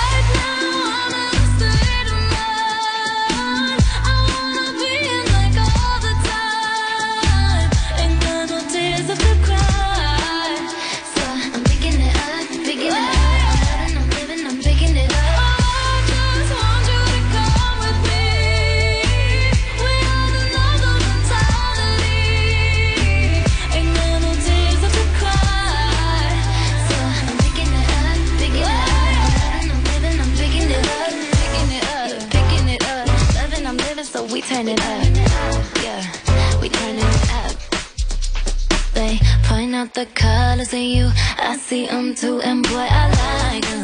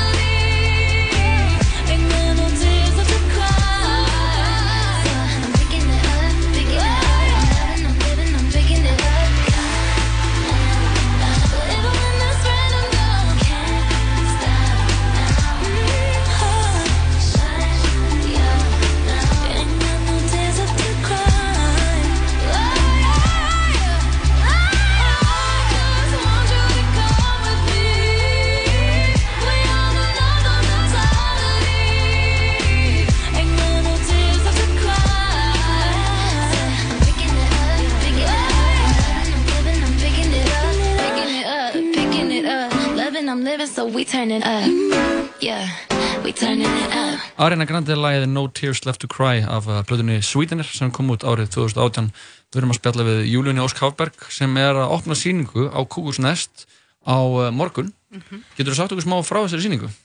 Já, herri, þetta er fyrsta svona sýningi mín um, þar sem ég er að fara að sína teikningar sem ég er búin að vera að teikna Mhm. um, og hún heitir Nakedness og fjallar rosalega mikið um nekt Ok um, Ég er sagt búin að vera já, síðustu þrjú árin að fara mjög mikið í mótaltekningu og teikna, þú veist, nakta líkama Mhm. um, og það er bara eitthvað svo rosalega eitthvað heillandi við nektina sem að Mhm. ég er búin að vera mjög mikið að skoða Hvað eru viðfangsefnin á, á teikningunum sem við verum að fara að sjá á Kúkus? það eru Það var Ná, nekt- Bara ko konur eða bara Það er bara allir Ok, bara, já, ég ræði ekkert hver mótelin eru þannig að þú veist, þegar ég fer þannig að þetta eru teikningar sem ég hef verið að teikna í um, bara undanfærin þrjú ár sem ég er búin að setja saman og vinna svona aðeins að meiri myndum sko.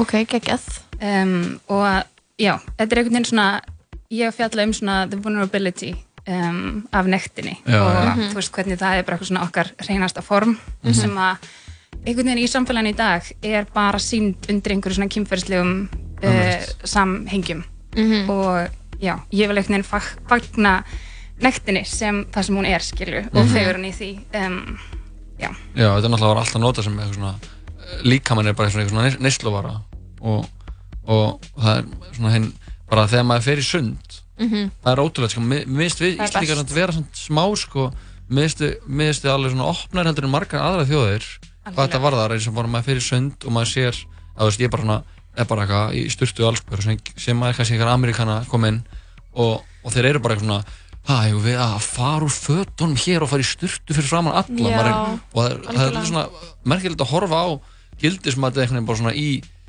bara action, sjá bara Mhm. hvað þau eru ótrúlega óvunni bara að geta st bara staðið bara í sín megin líkama og einhvern veginn ekki skamma sín fyrir það. Mhm.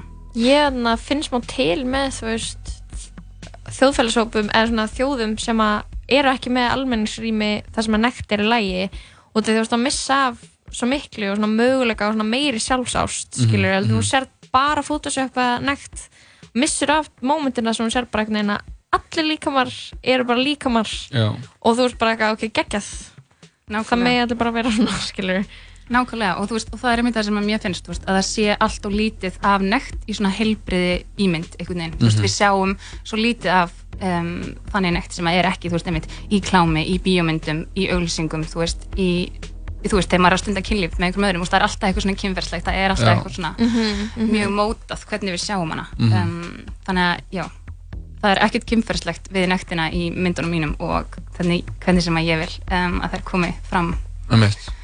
Já, svo eru, já, þessar litli bútar úr ljóðum sem ég hef verið að skrifa og búin að setja þetta allt svona saman. Ég, þú veist, skrifa og teikna og Já, mála nice. og gera allt saman. Þannig að þetta er allt einhvern veginn svona það er bara allir pakkin Geggjað, þetta er á kúkus næsta morgun, hvenær byrjar opnirinn? Það er opnun milli 5 og 7 og um, ég verð með takmarka upplag af prenti til sölu af teikningunum þar á morgun. Geggjað. Bara til hamingjum með sýninguna og velkomin til Íslands og njóttu með það ertina. Takk fyrir það. Við komum eftir þetta smá stund að ég þarf reyndar að Jó, hoppa að í- flug uh, til Egilstaða Í staðinn kemur Egil Ástrásson. Já, hann kemur hann og slæðir botnin í þáttinn með þér. Já, busy life of a musician. Við þurfum bara að taka við því. Já, það er bara þannig. Þetta er verktaka lífið Já, góða ferð bara á Egilstaði og góða skemmtun og takk fyrir spjallið, Takk fyrir Júlíana. spjallið, Júlíana. Takk fyrir mig, gaman að koma.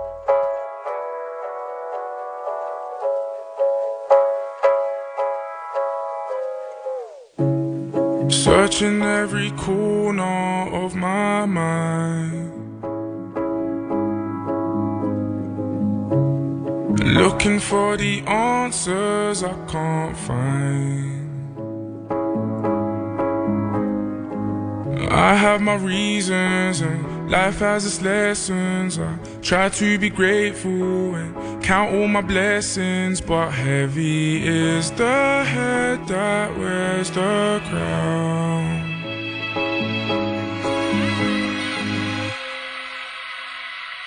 Amen in Jesus' name, yes, I declare it. Any little seed I receive, I have to share it. Brothers wanna break me down, I can't bear it. But heavy is the head with the crown, I still wear it. You can't hold me down, I still cope. Rain falling down at the bricks, I'm still soaked. Try to put a hole in our ship, we'll build boats. Two birds with one stone, I pull both. Pray I never lose and pray I never hit the shelf. Promise if I do that, you'll be checking on my health. If it's for my people, I'll do anything to help. If I do it out of love, it's not to benefit myself. Ooh, gotta stay around, but make a comeback too. I know my only mother wants a son back too. They're saying I'm the voice of the young black youth, and then I say, yeah, cool, and then I bum my zoo, and now I'm searching every corner of my mind. Search every corner, look for the answers. Looking for the answers I can't find. I can't find them. No silver lining. I have my reasons. Life has its lessons. Try to be grateful Count all my blessings, but heavy is the head that wears the crown.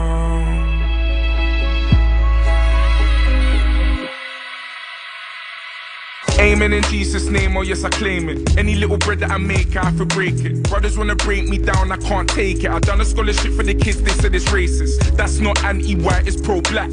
Hang me out to dry, I won't crack. All these fancy ties and gold plaques. Never had no silver spoons in our mouths, we sold like. Don't comment on my culture, you ain't qualified. Stab us in the back and then apologize. If you knew my story, you'd be horrified. The irony of trapping on the Boris back. Gotta stay alive and say my brother as well. Look at all these legends on the cover of Elle. Long time coming, but we come to prevail. I guess a little bit of heaven has to come with the hell, you know. Searching every corner of my mind. Search every corner. For the answers. Looking for the answers I can't find. I can find them. No silver lining. I have my reasons. Life has its lessons. uh, Try to be grateful and count all my blessings. But heavy is the head that wears the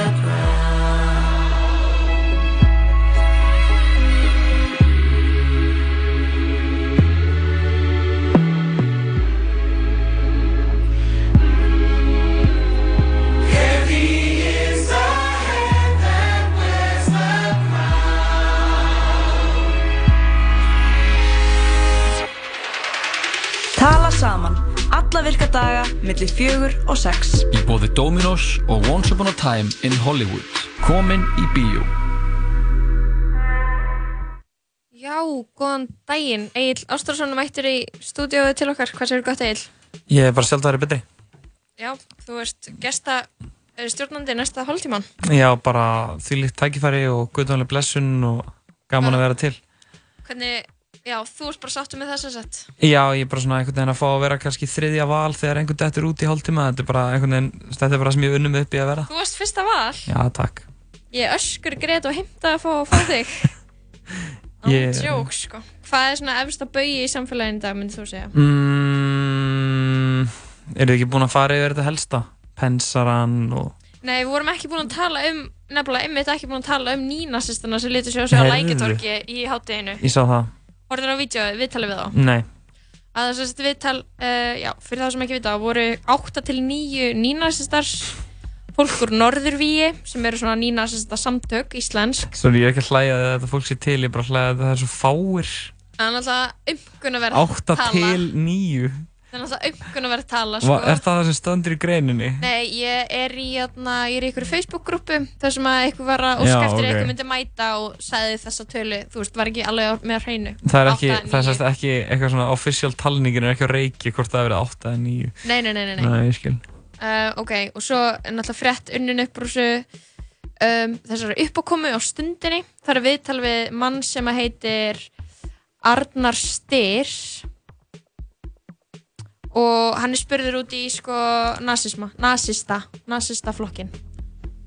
Þú ert ekki búin að horfa á þetta? Nei, bara gamla góða þýska nastarflokkin. Mm Og hann spurður út í helfurinn. Hann er bara spurður hreitt út. Hvað finnst þér um óðbeldi sem að þýski nazistaflokkurum beitti hérna í setni heimstyröldinni? Og þá segir hann, já ég hérna uh, held að það sé mikið ekki satt.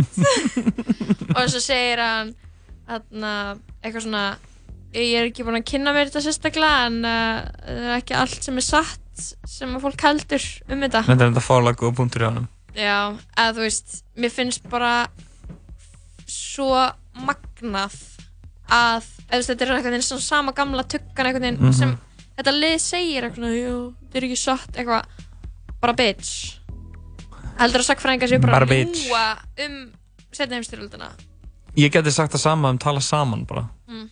Já, ok, Já, ég get verið að kynna mér þetta sérstaklega en ég veit að það er samt ekkert allt satt sem er sagt um þetta. getur þú sagt það sama um tala Þú saman getur sagt þetta um eiginlega um allt. Já, auðvitað Ég sko, er þetta samt, þú veist, eins og þetta, hvað er, þú veist, eru margir í, þú veist, auðvitað er þessi fólki tekið af svona mikil andstaða gegn þessum aðgerðum sem við í dag, ég tók alveg eftir því. Bara gaman að fá að geta búið í landi þar sem þetta nýtur ekki mikil sljómgrunns, þessar pælingar, sko. Einmitt. en þú veist, á Íslandi hversu mikið vandamáli er, eru margir þú veist, það er alveg svona þeir sem eru tilbúin til að kalla sig nasista ég hef ekkert sérstaklega áhyggjur af þeim Nei, nei, nei. ég er miklu frekar áhyggjur af þú veist þeim tug þúsunda sem eru þú veist á móti útlendingum og þú veist jafnvel á Eitthvað svona móti samkynniðum skilur Þessum svona basic rasistum.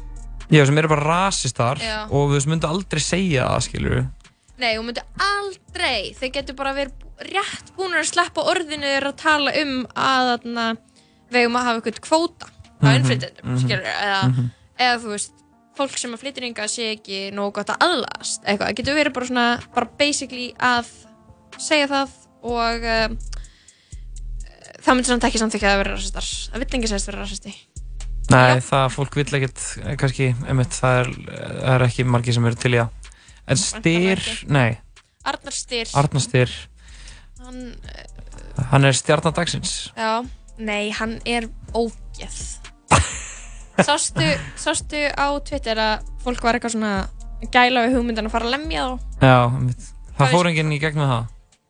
Nei, það var eitthvað sem gerðist Ég er ekki múin að lesa alla fréttinar Ég náði ekki alveg að gera það Þetta er breaking news. Það er, eru nokkar fréttir allavega inn á stundinni og örgulega á fleiri miðlum sem að fara svolítið svona í atbyrður og svona og því ég veit að það voru ykkur mættir til þess að mótmæla þeim eða svona Mótmæla, ræða við þá mótmælum, já. já. um, og svo einhvern veginn já, voru ykkur samskipti Fór allt í bál og brand. já um, en hvað finnst þér um það? Beita uh, nazista ofbeldi Ég er alltaf gegn því að beita ofbeldi. alltaf, í öllu tilfelli Nei, jú, jú, jú, í grunninn, sko, Þannig í grunninn á móti að beita ofbeldi. En ég er ekkert að mér upp við það, til mér ef að, þú veist, þú myndir ekki ok, þú ert vitni Já. ég ætla bara töl, tök, ok, ég veit að pappin er lögfræðingur já, skiptir ekki máli hann er það, Ok. Men, mentaður það. já, einmitt, og en að segjum að na, þú sett að ganga niður lögavegin Aha. Eða bankastræti Aha. og, og á lækjartorgi eru 8-9 nýnarstar maður, þjóðþektur einstaklingur svolítið sterkur, kemur kýlir þá alla í spað nokkra vikur líða, þú kallar inn sem vitni já, Egil, hvað átti sér stað þarna á lækjartorgi fyrir nokkrum vikum hvað segir þú? satt eða Er það að tala um lækatorgi hafnafrið? myndur þú segja þetta? Nei, ég veit ekki. myndur þú veist, myndur þú ljúa? Mér finnst það bara að fara eftir konteksti. Ég er ekki... fær- Nýnasista, Þú fær mig er ekki að- til þess að...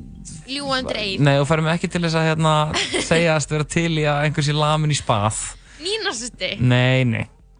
Þá Ok, bara þú ert tala þetta fólk þú ert niður. ekki í róttek að tala saman eins og ég og Jói Nei, ég er ekki þar. Ég, hérna, en samt allt, allt, svona, allt svona með svona hérna, skýr og þannig dót. Svona smoothie bylgjan. Ok, Að kasta því í, í þessa næsta. Svona ekki lemja en kasta skýri Ég fokk ég fokk alveg með því. Mér finnst það alveg. ok, Ég, ég held að það þarf að opna umræðin um hvað getur verið hættulegt að kýla mann. mhm emmitt við ætlum að hlusta lag og svo höldum við áfram hérna í þessu létta hjali Þetta er alveg rosalega létt. Egil og, og Lóa við verðum hérna með þetta sex þanga til uh, ætlum við að hlusta á hana Beyoncé og Jay-Z og á leið Mood for, Forever Forever.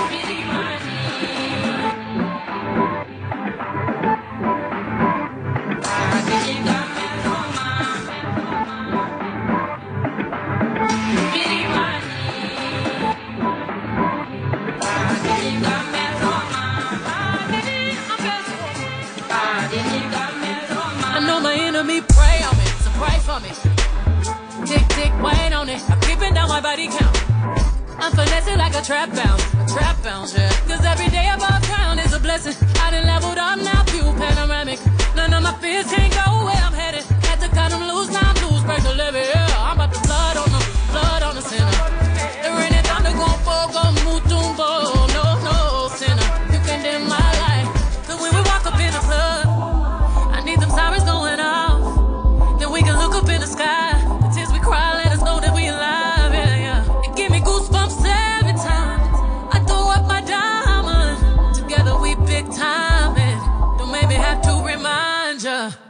Got my cup up to the heavens.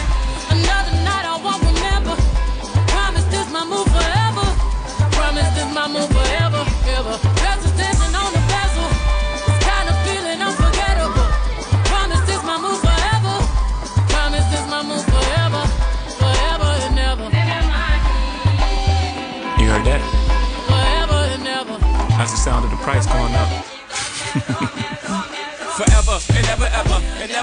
the Saxon, Madiba Suite. Like Mandela, bumping fella on the Puma jet. Like we from Lagos, man, Musa reincarnated. We on our levels, that's a billion, a thousand milli. First one to see a B out these housing buildings. I be feeling like Prince in 84, Mike in 79, Biggie in 97, 94, Nas, Ali, Boombaye. No kumbaya, just give me the Somalia. I'm on Latage, helmet when I jet ski. You know the vibes hit my head, forget I'm me. Oh my God, without the God and the XY, I'm afraid the whole game will be colonized. The marathon will be televised for NIP. The true kings don't die, we multiply.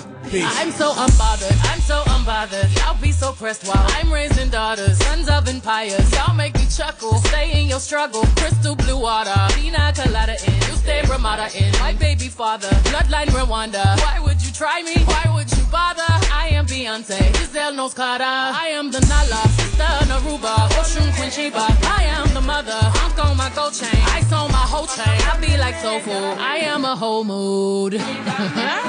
when we walk up in the club,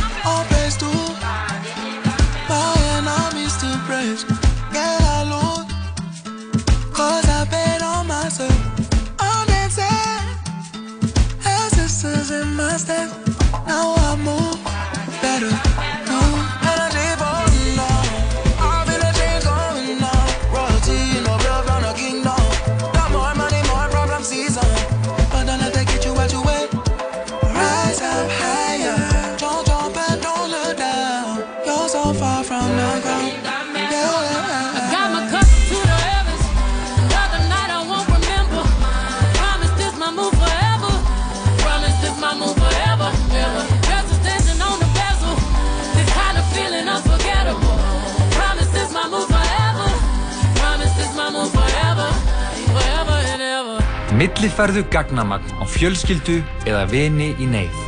Sambandi. Símafélag framtíðarinnar. Hefur ekkert tíma pælt í að brönns er bara breakfast og lunch blanda saman. Brönns, allar helgar frá föstu degi til sunnudags. Skál, hlemur matöll. Holt fyrir bæði líkama og sál. Serrano. Fresh, happy, max. Þú getur hlusta á alla þættina af Tala Saman á Spotify. Já, það er rétt sem hún segir, hún Birna María í þessu litla ljónfrætti þú getur hlust heard. á getur hlust á við- þennan þáttu vissulega á Spotify og ég er sittinda með honum Agli Ástrásinni þetta er Lóa, við tala saman við erum að tala saman Lóa í 101 fréttir Já, nýlega 101 fréttir Lóa hvernig, hvernig fannst þér í 101 og fréttir? fárlega vel. Ég held að það hefði sínt að þú ert fætt í, sjónvarp. Í sjónvarp. Já, mitt, það var ekki það sem ég hugsaði. Fyrst sem ég hugsaði var að undirhaka Í mærun Það er eitthvað það að lengja föstuna í dag. Nei, Jú, nei, ég- nei, nei. Allavega, skiptir ekki máli. Undirhaukur er í lagi Og við erum með breaking news Hérna, fréttahátturinn tala saman. Hvað var að gerast til? Það voru að skipa nýjan Það Dómsmála ráð er skipin í Og það er yngsti uh, dómus, Nei, yngsti ráðherra í líðveldi sögunni. Hún er bara 29 ára gömul. Hún Áslaug Arna Sigurbjörnsdóttir Varaformar Þingflokks Sjálfstæðsflokksins Hún er að taka við af Sigriði Á Andersen sem að fór með skömm hérna 13. mars síðastliðin sagði af sér. Síðan þá er Þórtís Kolbrun Giladóttir Reykjörð Reykjörð Giladóttir um, hún er búin að vera sitjandi dómsmálaráðara síðan þá og þetta þetta upplýsti hann Bjarni Ben um hérna núna í síðdeginu um þessa skipun. Hún er 29 ára, fætt 1990, meistaragráði lögfræði, útskrifu úr Vestló, búin að vera lengi í sjálfstæðsflokknum. Þinkona síðan, hvað fyrir Tveimur árum. Ég held það. Nei, lengur held ég 2016. Kjörðumbil undan því held ég Hún þarna fer inn á þing um, 2016 og hún var rítari flokksins fyrstum sinn. Uh, já, hún er búin að vera þingi síðan þá. Hvað finnst ykkur um þetta? Ég ætla að segja Jói, en þú ert Egil. Hvað finnst ykkur um þetta? Sendum við ekki bara hamingjóskið til hennar? Emitt. Ég... Má alveg vera aðeins pólitískan um þetta. Já, ég meina- Er þetta skásta niðurstaðan sem þú vonast eftir? Ég hef áður sagt að ég held að Áslu Arna sé e, klálega frambærilegast einstaklingurinn í þingflokki sjálfstæðarflokksins. En uh, maður er síðan yfir höfu í salsarflokknum. Og veist, þá er maður raunin að búin að taka tvö, e, eitt skrif áfram og tvö skrif aftur og baki rauninni sem Þetta er bara, það er bara, það sem til bóða núna var að sjálfstæðarflokkurinn var að skipa nýjan ráðherra, skiljum. gátt ekki valið neitt úr neinum flokki sem er góður. Þannig að þú þurft að velja einhvern innan sinnan raða. Já, það er alltaf svona, þú er alltaf líta á þannig. Já, já. Það alveg, það er lung komið fram hérna að tala saman er, það er vinstri slagsíða í þessum útastætti. Það þarf að vera vinsið slags í einhverjum þáttum, sko. í alvegni, þú túnur inn á bylgjuna það er bara, það er sem ég bara hæl bjatti ben Það er, það er hægri slags, já, það er, það er hægri slagsja í flestum En á. FMX. FM, FM 957 hægri slagsja Nei. beit hægri Það er engin slags, já. það er engin Kannski- á FM 957 kannski í brennslunni, kannski- vinstri. í brennslunni. Það, er, það er basically bara King Bjarni Ben í öðru hvað með Ernu Hrönn? Hvernig veistu það? af því að ég veit að hún er það ekki. og veist hvað hún kýs? Að segja mér það Uh, nei, það Sko. er enga mál hversu eins en ég veit að hún er til mis í rauninni póldansari í, í hérna, í hérna, Frítíma það er líka sagt hennar. já en ég meina póldansara getur verið hægri sinni Já, ég veit að henni er bara svona hennar persóna, svona, þetta, er svona, lí- þetta, er svona, þetta úsar ekki því sem út að segja um FM. En K100. K100 hægri slagsíða eða, fr- þarna- eða viðreysnar slagsíða ég ætla að segja það ok. Ok, þarna skemmtilega leikur rúllum í gegnum útastöðunar og segjum hvaða pólitísk skoðanir þeir er, er svona, skilur Ég held að fólk sé alls konar alls þar. það er ekki rétt Eitt sem þú er komist að að vinna í útvarfi Já. er að það er alls konar fólk sem vinnur til þess að við gerð tala saman sem að er aldrei að tala í mækin. það er ekki alveg rétt. Við be- við, við kannski svona einn kannski skeli við basically gerum Já, allt sjálf. já, já, ekki já, já. ekki verið að þykast að þetta sé eitthvað starra operation heldur en ég, Jói og Bibba tvisur í viku. Þetta er Resu Operation. Já, við erum með 100 manna teimi, við erum með fact-checkara á við NPR Ég er komin í, ég er komin í dag og það búið að skrifa fyrir mig hálftíma af Það er geggjöðu búið að skrifta, fyr- skrifta fyrir þig Þú átti til dæmis alltaf að bregða svona mið Þú Já, áttir að, ættir að streyta öfgafullu vinstri mennskuna mína En dýrkar er samt ekki það uh, smá dítúr. Ok. Ég var að hlusta á hérna, hérna Ron Burgundy podcastið. Það er ógeðslega plöbalegt, en keep going Nei, það er nefnilega ógeðslega vel gert, sko. þú veist, það er bara að skrifa, þú veist, það er bara búið að skrifa heila serju. Ertu að tala um, ertu að tala um Ron Burgundy sem er personan í Ferrell í Anchorman? Anchorman, já. Það er búið að skrifa podcast. heila podcast-serju Ok. sem er bara scripted, þú veist, sem hann í karakter. Og Will Ferrell er að leika Já, hann er bara að tala, skilur. Ok. Og það er búið að skrifa svona eins og þessi sjómaserja, nefnir þetta podcast. Ég Mæli með þessu. Þetta er á Og þetta er skemmtilegt öllum veit, mér finnst það ekki Þú varst hérna fyrir tímundum að segja að þú hefðir ekki tíman til að fara rektina Ef þú hefur tíma til að hlusta á eitthvað fjandans Ron Burgundy podcast þá getur bara hunskast í gym Veistu hvar ég hlustaði á þetta podcast? Í gyminu? Já. en það helst allt í hendur. Ok, ok uh, Mistök Þín fyrstu mistök er að vera að hlusta á podcast í rektinni Það hægir á þér nei. Þú ætti að vera að hlusta svona tónlist sem lætur þér líða líkanlega illa svona dung, dung, dung, dung Ég er með, alveg, ég er með rosalega þannig playlist þetta. Já, ertu með svona refsa mér í gyminu playlista Já, ég er með svona hlaupa playlist. Herru, talandi um Nietzsche model, það var hann Alexander Jarl Hann var að gefa út uh, nýtt lag Er hann spænskt. 90 model? Ég ætla að segja að það eru 100% líkur á hans í Nietzsche model Þú er enga hugmynd um Hann er með Nietzsche model að útgeist Það er með orku. Anna, Já. ok, Ok. Alexander Jarl Hann var að geta reggaetonlag. Ok, er hann hann spænska ættaður? Nei. Og af hverju talar hann á Er það? spænsku? Nei, nei, nei, nei. Hann er, hann er ættaði frá Palestínu. Og hann er bara reybrennandi í Hann Espanjól bjóða á Spáni um hríð. Það er Núna, nett uh, nýverið. uh, Við ætlum að hlusta á lægi hans Marbella, Marbella Þetta er lag ásins. og en að samt ándjós áður en ég spila það þá ætlum ég bara að fact-checka hans í 90 mótel út af því að ég er ógeðslega góð í að vita hvaða mótel fólk er Herri, já, það er einn að koma manneskja sem vinnur í þættinum, hún er rétt að lóða henn að miða. Hvað er hann gamall? Takk fyrir þetta. um, Takk, Elisat Lís. uh, hún vinnur hérna að tala saman uh, Alexander Jarl um, æ, shit hann er 91 mótel Já, hann er samt með 90 mótil orku. uh, hann lítur að fættu snemma á árinu nei, hann fættu seint á árinu hann er fættur í sagt Hann er basically 92 mótil. hann, já, Hvað, hvernig er það september? Hvernig er hann ammali? uh, hvernig á Alexander Jarl ammali veitu hvað það er í dag það er 5. september í dag Alexander Jarl á ammali uh, á þessum hérna degi sem er 4. seft vá, hann átti ammali í gær og þú kastaðir ekki á hann kveðju í eigin Ég bara vissi ætlaði að ekki, kalla þig ég vissi alls ekki að hann eitt ammali. ok, þú hérna leiðir þetta leiðir þetta og, og hérna óskur hún til hamingju hann kveðju á Insta, DM Og ég segir skemmtisögu til að segja útrúfinu. Mhm. Ég er hann að fylla inn fyrir Jóhanna því hann er að fljúa út á land. til að gera hvað, hvað á þetta landi Hann er að fara að spila gig. já, Það var að vera að aflýsa flugun hans. nei Jú, jú. út af hverju Ég myndi tippa á að það væri vegna viðurs. Ok, það er vont viður. Þetta eru nýjustu fréttir hérna úr stúdíónu Korfskötu. Við ætlum að hlusta á lag með Alessandri Jarl og Aron kom inn og hvaðjum í hinsta sinn. Það er Marbella og það er alltaf gott viður. Alexander Yard Yeah, yeah. Quiero volverte a ver No quiero volver a Marbella Quiero quedarme contigo Porque tú eres la más bella. Desde que yo te conocí No te quiero olvidar. Que supe que tú eras para mí. Quiero volverte a ver,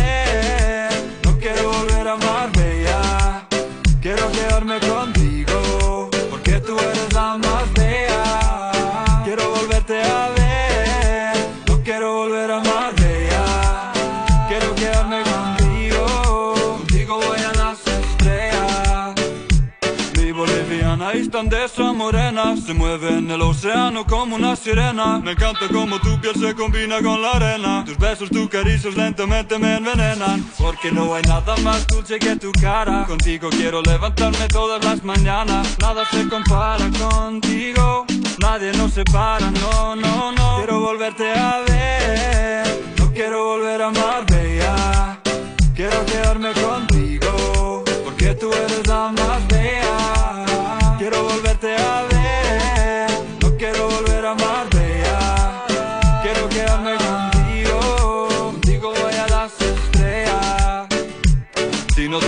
contigo rápido te echo de menos. Tú eres esa estrella que siempre brilla en mi cielo. Contigo todos los días son 14 de febrero. A veces soy loco pero sabes que te quiero. Desde que yo te conocí No te quiero olvidar. Fue que tú eras para mí. Quiero volverte a ver No quiero volver a Marbella Quiero quedarme contigo Porque tú eres la más bella. Quiero volverte a ver No quiero volver a Marbella Quiero quedarme contigo Contigo voy a las estrellas. Alexandria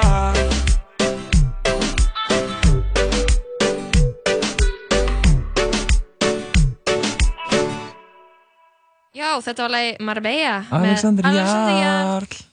Virkilega gott lag. Ég er svo ánægð með þetta að það er, það hálfa væri nú. Þú veist, Alexander Jarlsins. Ég er svo ánægð með þetta við ætlum að spila annar lag með Jarlunum eftir. Hvað ætlum við að spila? Vados Locus, en það kemur ekki fyrir hann eftir. Ok, uh, Vatos Logos. Allavega, við erum hérna. Veistu þú að Alexander Jarl, e, þú veist, það er svona ekki margir, þú veist, það er svona, hann, hann er svona hverfismúsikant, skilju. Ok, hvað hverfi? Já, meinar. Vesturbærin. Já. Þú veist, það er svona, það er svona, svona, hann, er, hann fer í sér flokk, það er ekki margir sem eiga þessi degi hverfi, sko. Jú, Það er hann, Gísli Pálmi. Hann er með 108. já, hann er með 108, það er vissulega rétt, Uh, svona, Aron Kann með Grafvog. Já. Hann er með 112. það er rétt. Um, MC Gauta með Breiðalti. Það er 110, 111. Mm, en þú veist, MC Gautið kom samt fram í KR3 í KR IR seríunni, hann er alveg búin að afnæta bregðallinu. Já, það er út í að hann er hún frægur og flutti, hafði efnaði upp úr í Vesturbænum Mhm. og er með hafagnin. Mhm. Ok, við tökum hann úr breiðoltinu. Mhm. Það er annar maður með breiðoltið, Hver? Birgir Hákon. Ah, reyndar, hann er með brjallið. Um, þú hérna skust í andlitið þegar þú sagðir að hann Nei, væri ég, sa, eini ég, ég er ekkert að segja, ég er ekkert að segja að hann sé eini, en Ó, það, ok. þetta er sér flokkur af fólki. Ok. Jón Jónsson og Freki Dóri með Hátnafjörð, skilur Ok, Alveg eins og hérna, hún hérna, Greta Salome með hérna, Freyri Gómar með Dalvík Já. með Eithor Inga og Matta. og Matta, þeir eru því sem deila all- allir, er ég allir Þeir eru Dalvík. að deila þessum pingu litla bæ. Magni, Magnificent með Borgfjörð Eistri. Já, og hérna Birgitta Haugdal er með Húsavík. Múki svona með Súðavík. Um, Nú eru þess að bara komin í... Byrju, heldum við áfram. Nei, ég held ekki. Jú, byrju, hver er með höfn? Keflavík. Já, já, já. Hver- Eyjar. Eyjar. Hver er með eigjar? Árni Jónsson. Þetta er svo leiðilegt, það er s- það er bara Ingo Veðugum svei- sveitafélögin. Veðugum í Selfoss. Já, hver er með hverjegeri? Hérna... Alli hérna DJ. Alli Viðar. Allir við erum Hann með býr þar. Þannig að... Uh, Dóri K. um Akureyri. Mosó. Ekki segja Dóri Díana, út í að hann er búinn. Nei, er bara hann. Eh, Nei. Getið er hann, getið er hann. Það er getið Hún er bæjarlistum með Mosebær. Uh, ok, við erum búin að læna þessu upp svona. Þetta er, þetta er svona, þetta er ringferð sem ég væri til að sjá. uh, túra um landi ok, pældi í, sveitafélagin Mm. um, þau eru eitthvað já, byrju, hver er frægur frá okkur og frægasti sem að fólki í Reykjavík dettur í hug er Árni Jónsson þá veistu að þú klúðraðir einhverju PR-i sko. Það var samt, PR-skita hann hefur gert ímislegt. Gott og slæmt. Vá, ég þú verðst bara að segja þetta ok, Ja, veist, ég er bara að segja að Átni Jónsson, það er alveg eðlilegt að maður tengja við eigjar. Maður gæinn startaði brekkusögnum, ég skilur. tengi hann verið að fangelsildur en eigjar og ég tengi hann við sko Mm. Classic hérna- 101 take. Nei, nei, nei, ég tengja hann við, hlusta þess á mig Ástæðan fyrir ég tengja við uh, fangilsi er að í Reykjanesbæ það er ógeðslega mikið listaverkum eftir hann sem standa svona við sjóin Eftir Átni Jónsson? Já, og maður geti ég trú ekki að veitir þetta ekki Ah, ok, þú verður að sjá þetta, Egil Þetta er sprengklæðilegt meðan hann var í fangelsi Já. þá var hann að dunda sig við að gera svona stóra kalla úr grjóti Aha. Svona grjót, grjót Ég vissi þú það veist. ekki. Þetta er við sjóin í Reykjanesbæ Njarvík, eh, Ok. Njarvík Keflavík það sem í sami bærin by the way veit það einhver Ég, það er engin, ég, ég, það veit já, engin já, hvað mörg, land, landamærin Njarvík Keflavík eru Ég Fólk er bara, þaðan, "Uh, Lóa. Ég þekki þetta alveg. Nei, þú varst ekki Ég, Úr fædd- Vesturbænum ég fættist á sjúkurásni Keflæk. En ég er úr Vesturbænum, það er vissulega rétt. Já, ok, allavega, þetta blokkar útsýnum hans, þú veist með bara sjóin, skilur, sólægið, nema fokkin grjót, aðna, listaverkina hans, Adna Jónsson og Fangels eru aðna. Ég peppa það. Hann, þú peppar þetta, við ætlum að hlusta lag með Alexander Jarl, það er senasta lag þáttarins, hvaða lag er það? Um Vatos Locos heitir lagið, þetta er af, það bara, skrifa með Vaff og A, T og S. Ég er búin að finna það. Þetta er uh, gamalt og gott var í allirum, hann var ekki út nýtt lag, mælum að tjekka á því. Hitt hann í Vesturbæðalöginni, takk í spaðan á honum, Mhm. og skoðum góðs dags. Hann átti ammali í gær, um, að koma að hverju stundi tala saman. Um, Fyndin tala saman, var hérna aðan, Egil er hérna núna, flugin hans Jói var síðan aflýst út af veðri. Það kemur ljós hvað gerist þar. Lífið er eins og konfettkassi, maður veit aldrei hvað maður fáir. Ég þakka bara fyrir hlustununa í dag og óska þér bara góðs kvölds, kæri hlustandi, og ef þú ert að fara að snemma að sofa þá segir ég bara góða nótt. Þetta er lagið Vatos Logos. Min kassa var svo kassa homie Nú ert þetta ekki meira motherfucking frasi homie Því þú ert einn af þessum blasi, blasi homies Sem veinta eins og fucking dreik í þig grasi homie. Og allt skotið þitt um bitch homie. Og hæri höndi þínu snitch. Þetta er ekki New York City Þú ert ekki from the bridge. Þú búinn að grafa eigin gröf svo lengi að hún orðin ditch homie. Þú bara reyður því ég stalin honum Shining on him, Nick Cannon, wildin' on him Ég tek ellið eins og maður, I don't cry about it.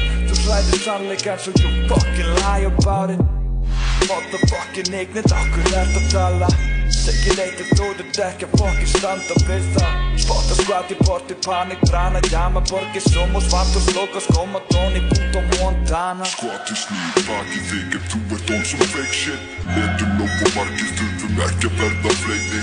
Endur tekur alltaf sem þú veirir Trúir einhver sem þú segir. Tóni sér til þess að þú fucking gleynist Skoti snýr baki þig ef þú ert on some fake shit. Letum nóg og margir þurfum ekki að verða fleiri Endur alltaf sem þú veirir Trúir einhver sem þú segir Tóni sér til þess að þú fucking gleynist Ok, ok, ég er don, ég er don OG Kush, Dam Perignon Taktu þetta að með dekja höndlu saflöndu Þú vil kalla þig skvatu sveitum mín er förmönnuð Og allir logið með þú veist hvað við stöndum Flíkin ón, flíkt í flíkin mín er vöndu Sér svo mikið. Af fötum að ég þurft að ráða hönnuð Alltaf fashionably leitaði fjarrist að sönnun. Ekki meira akt af við, alveg bara Skil út úr því svo bananir Accelera Motherfucking passa sig. Skotið þitt var allt í lagi en nú vantar mig. Skoti snýr baki þig ef þú ert on some fake shit. Letum nóg og margir þurfum ekki að verða fleiri